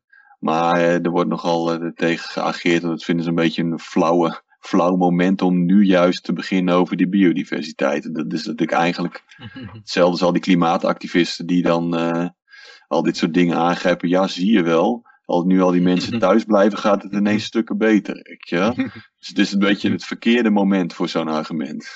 Oké, ja, maar- ik, ik snap niet waarom ze het verkeerd zijn. Nou, het, ja, het is zo, Opportunistisch. Ja, het is zo van nou, we hebben nu een crisis te pakken. En kijk eens jongens, dit zou nooit gebeurd zijn als we biodiversiteit hadden gehad. Dus we moeten er nu massaal geld in gaan steken. Weet je dat idee? Maar tussen, eh, onder het mensensoort is toch nog wel redelijk diversiteit. Dus ben ik nou gek. We hebben allerlei verschillende rassen en soorten. Je hoort een heleboel mensen over diversity praten, maar over het algemeen moet je bij die mensen die het veel over diversity hebben, niet van mening eh, verschillen. Want eh, die moet, de mening moet zijn, zijn niet divers. Zeg maar. Dus je mag een verschillende huidskleur hebben en seksuele geaardheid. Maar uh, een andere opinie, dat is absoluut niet... Uh... Nee, maar de hele redenering die hier natuurlijk achter zit, de hele redenering die hierachter zit, is dat er juist heel erg veel geld ingestoken zou moeten worden om die biodiversiteit voor elkaar te krijgen. Dat is natuurlijk allemaal overheidsgeld. Dit is om belastinggeld eruit te krijgen. Ja, dat is waarom ze wordt opgebouwd. Die, die, die, die, monosoorten, dat is juist... Die monosoorten zijn juist toch ontstaan door uh, overheidsmaatregelen. Ik bedoel, net als dat we supermarkten hebben nu, vanwege dat dat belastingtechnisch en qua inkoop allemaal beter is dan dat, er, dat je overal kleine kruideniertjes hebt. Ja, dus maar heeft dat ook effect op de bier, op de, op de soorten, over de, de mieren die rondlopen buiten? Ja, dus de soorten... Nou, nee, nee, je hebt gekweekte soorten toch? Met, met, uh, met bijen en met, uh, noem maar op. Nee, over alle soorten over de hele wereld gaat het. Maar, maar wel degelijk hebt die schaal... En enorme kippenfarms. Vroeger ja. had je gewoon een boerderij met een paar kippen en een paar geiten en een paar koeien. En nu heb je enorme megastallen. Dat, dat was in een normale gezonde samenleving. Dus zou je dat, dat, heeft, dat, is niet met, dat heeft niks met biodiversiteit te maken. Ja, je hebt allemaal koeien die gekloond zijn en zo. Ja, maar dat is, dat is niet de, de, de biosfeer waar het over gaat. Het gaat over wat voor, wat voor, wat voor uh, uh, natuur, uh, wat voor diversiteit vinden we in de natuur. Niet, niet wat voor koeien gaan we kweken of wat voor bijen houden we of whatever. Maar juist, wat voor dieren leven er in de natuur die we vrij laten, om het maar zo te zeggen. En ik moet heel eerlijk zeggen dat ik te lang bezig ben om het helemaal gevolgd te hebben, want ik, zie ik kan de slaap. Maar we zijn bijna aan het einde. We zijn bijna het einde. Er zijn dus van die, uh, uh, er zijn dingen over biodiversiteit, bijvoorbeeld Natura 2000, daar zie je, daar is ook een, uh, kan ik een, een, een videootje van delen dat daarop ingaat, waar nu, nu worden er dus in Nederland allerlei bossen gekapt ter verbetering van de biodiversiteit, want de, de zandhagedis die zou bijna zijn uitgestorven. Dus we kappen alle bomen weg en dan komen er meer zandhagedissen. En dat is dan goed, want uh, bla bla bla kan de natuur het niet zelf regelen? Of altijd weer een central planner is er nodig om, de, om die enorme ja. Eh, die ecologie in stand te houden. Als je even niet centrally plant, die uh, natuur, dan valt die gelijk in elkaar. Ja, maar daar wordt dus wel beleid op uitgevoerd. Dan zeggen ze, ja, we hebben al zoveel heidegebied, of we hebben al zoveel bos waar roodbosjes leven. We moeten nu ook een stukje heidegebied waar uh, de, de, de zandhagedis dan kan rondlopen. En, ja, en daar wordt dan beleid op gedaan. En het, het getuigt van een soort... Dit getuigt van een soort hele absurditeit, want die focus die ligt binnen Nederlands natuurbeleid alleen maar op Nederland. Dus ze mm. willen binnen Nederland zo ongeveer alle biotopen creëren die we hier zouden kunnen hebben mogelijk. Maar het, het, het zandbiotoop, dat zit in allerlei andere landen, is dat volop aanwezig. Het is helemaal geen reden om dat in Nederland te doen ja, de reden is dat er iemand een baan heeft, die, eh, of een baan denkt te hebben, die weer belastingcentrum. En dat is precies waarom je het volgens mij gaat verliezen tegen China. Want ik denk niet dat er in China iemand rondloopt om te zeggen, nou we moeten hier 26.000 bomen omhakken om de zandhagedis een beter uh, ja, biotoop te geven. Hè? Die, uh, die, die, die alle, wat was dat, de Chinezen alle mussen moesten doodmaken of ja. zo. ja, zo de muskietenplaag. Nee, maar, maar dat zag je toen, toen ze dat deden, dat het ook ontzettend slecht ging. Uh, maar wat, dat ik, ik, ik, ja, het verhaal wel vaker verteld hier in de uitzending, maar ik zal nog maar een keer doen dat ik in uh, Noorwegen met een stel jagers optrok. Ik uh, wilde gaan jagen. Dus wel een hele, hele leuke tijd was dat hoor. Dus ik, ik raad het iedereen aan om het ook een keertje te doen. Maar de, um, toen hadden we, we hadden niks gevangen. Dus het doel was dat we herten gingen jagen. Nou ja, we hadden niemand niks geschoten. Uiteindelijk hebben we maar uh, konijnen en, en, en, en noem maar op. Hebben van de klasse kleine dingen geschoten. En ook een paar korhoenders. En nou ja, het zat die korhoenders te eten. En er zaten allemaal nog van die plastic dingetjes aan de poten. En toen zei die ene van, uh, die wist dat ik een Nederlander was. Kijk, Johan, nu eet je je eigen belastinggeld. Ik zeg, hoezo? Ja. Nou, toen vertelde hij dat verhaal, dat die eh, beesten met zo'n dingetje aan een poot, die waren ooit naar Nederland gehaald en uitgezet, omdat de provincie Utrecht, die had zoiets van, er horen korhoenders thuis in het uh, Utrechtse landschap. Dus die hebben ze uit Scandinavië naar Nederland geïmporteerd uitgezet en die beesten zijn gewoon weer teruggevlogen naar, naar Noorwegen. en daar kwamen ze op mijn bord terecht.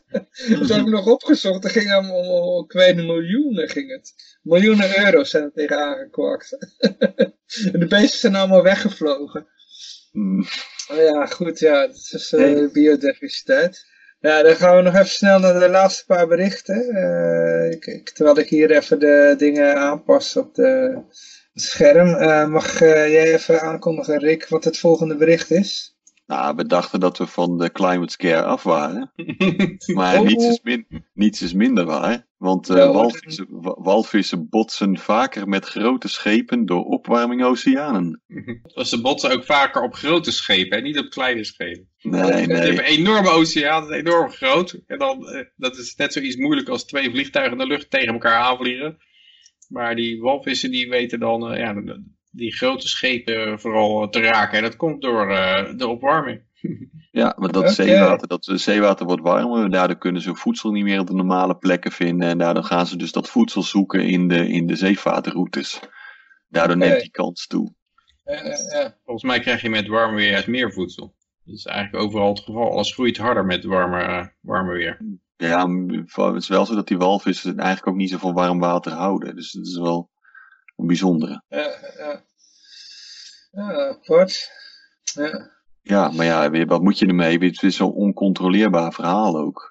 Ja, het valt weer helemaal in het verhaal van de spinnen worden bozer.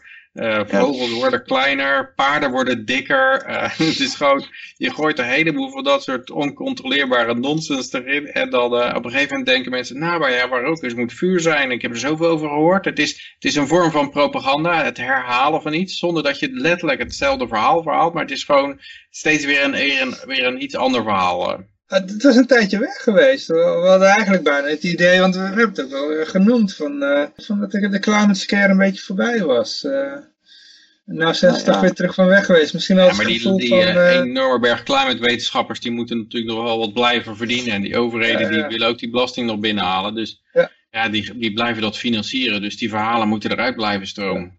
En Obama was ook weer terug van weg geweest, hè?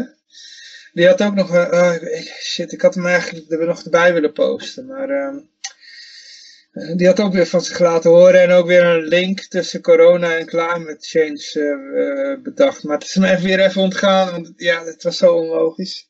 Ik heb het niet, onthouden. ik heb het niet onthouden. er was geen iets in mijn... Het is in de categorie absurde berichten, ja. Ja, ik had hem echt erbij moeten gooien. Er zat totaal geen logica in, maar hij had een link tussen climate deniers en corona weten te vinden. uh, ja, soort, ja, maar het is, het is ook zo. Zoiets, uh, als je Google ja. intoetst, uh, is, this, is X problem caused by climate change, dan vind je altijd een artikel erover. Dus inmiddels kan je bijna niks meer... It's, okay. is impotentie veroorzaakt door climate change? Boom, heb je gelijk een hit, denk ik. Maar we laten nog even verder gaan met de berichten, tot we, want we zitten best wel hier lang in. Even kijken Zes uur aan het uh, podcasten. um, even kijken, de walvissen waren we. Even kijken, VS klaagt Venezuela aan vanwege... ja, dat, dat wordt, gaan we waarschijnlijk binnenkort wel vaker krijgen. Narcoterrorisme. Het bestond nog niet. Het zal binnenkort wel in de dikke vandalen komen. Maar uh, het bestaat. Narcoterrorisme.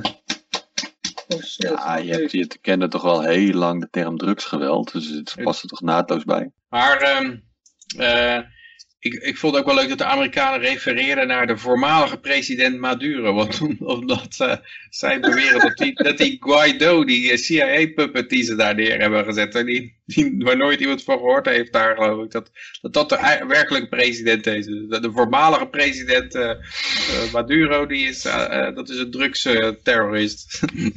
ja, wat moet je ermee? Ja? Is dit zo'n overduidelijke de zaak van framing dat ik denk, dit, dit is gewoon te belachelijk voor woorden. Maar het staat wel op nu.nl weer, weet je wel. Ja. Als Josje hierbij was, dan zou hij er nog wat over te zeggen hebben. Nu.nl dit, dit, soort dingen komen ook helemaal niet meer naar boven eh, drijven. Ik denk dat die CIA ook een beetje zit, uh, zoiets van shit. Zaten wij maar in corona of zo. Zo, zo zie jij nog iets met corona te maken hebben, denk je, Peter? Of is dat echt uh, dat ze nou met de handen in het haar zitten? Wat moeten we nu doen? uh, nee, ik zou het niet, uh, niet durven zeggen. Ja. Ze voelen zich gepasseerd of zo. Ja, maar goed, er kon nog één. Ja, ik weet niet wat we hier verder nog over moeten zeggen. Maar... Nee, weinig. Maar de- we komen nu bij, de, ik denk wel een soort van meest geframede bericht alle tijden dat jij geplaatst, eh, Peter. Ik vind dat wel een hele leuke. Laat ik het even afsluiten. Wil jij doen, eh, even- Peter? Kan Ja, voor ik, jou. eh, ik word net uitgelogd bij mijn eh, bij, eh, Ah, je had een plaatje gepost. Radio. Komt Ja, van ik, zie al, ik zie hem al staan. Ja, dat is een of andere Twitter zo. Ja, dat is een beetje een- trend dat mensen zeggen, ja, mijn, eh, mijn zesjarige kind zei, eh, en dan komt er een enorme wijze uitspraak waarbij de, de politieke tegenstander voor een ontzettende mongool wordt uitgemaakt eigenlijk. En dat, en, dat, is gewoon heel onwaarschijnlijk dat dat echt gebeurd is. De leugen, leugen druipt er vanaf. En deze is het ook zo.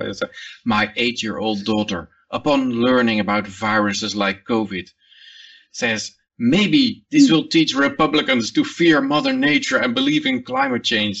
She's too innocent for me to break her spirit, but I told her not to get her hopes up. She reminded me hope is all we have. Het is, uh, Was het echt serieus? Was het echt- dat ik, ik las het en ik dacht, dat is een grap of zo. nou, er, zijn, er zijn heel veel mensen die dit soort eh, ja, be- eh, uitspraken van hun kind verzinnen, zeg maar. Van, eh, ja, zelfs een kind kan zien dat, eh, dat Trump een maloot is. eh. De, dat, dat, bewijs is dan deze uitspraak. En je ziet gewoon in die uitspraak van, ja, dit, is echt, dit is gewoon helemaal nooit gebeurd. Geen enkel eh, kind van acht jaar praat, praat erover zo. Ja, Zijn we toch nog vrolijk geëindigd, hè? ja, ja. ja, ja. Ja, we hebben het volbracht.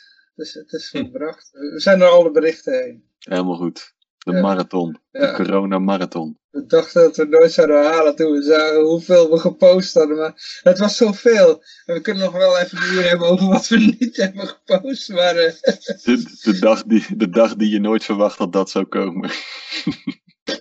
Maar wie had dit gedacht, hè? Dat, dit- Ja, dit zou komen. Goed, nou ja, ik wil in ieder geval eh, iedereen eh, danken die eh, meegedaan heeft. En van de helft bijna nu al ligt te slapen. Ehm, ja, vroeger had ik nog wel eens zie jullie eh, die nog wel eens letterlijk met zijn hoofd op het toetsenbord viel. Maar in ieder geval iedereen danken die, eh, meegedaan heeft. En uiteraard de luisteraars hartelijk danken voor het eh, deelnemen aan deze uitzending. En eh, misschien zijn we volgende week met Firm Supreme. En anders hebben we gewoon de, de grote corona show deel 4. En anders hebben we misschien wel de grote corona show deel 4 met Firm Supreme. Je ziet het wel, zien we volgende week wel. Eh, ik wil in ieder, geval iedereen een hartstikke eh, vrolijke en vooral heel erg vrije week toewensen. En ik zou zeggen toedeledoki. En hier is, even kijken als ik de goede knop indruk, de jingle. Ja, daar is hij.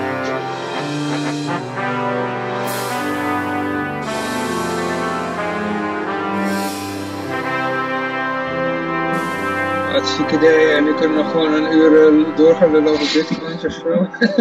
Oké, dan zet ik de opname even stop, ja? Ja.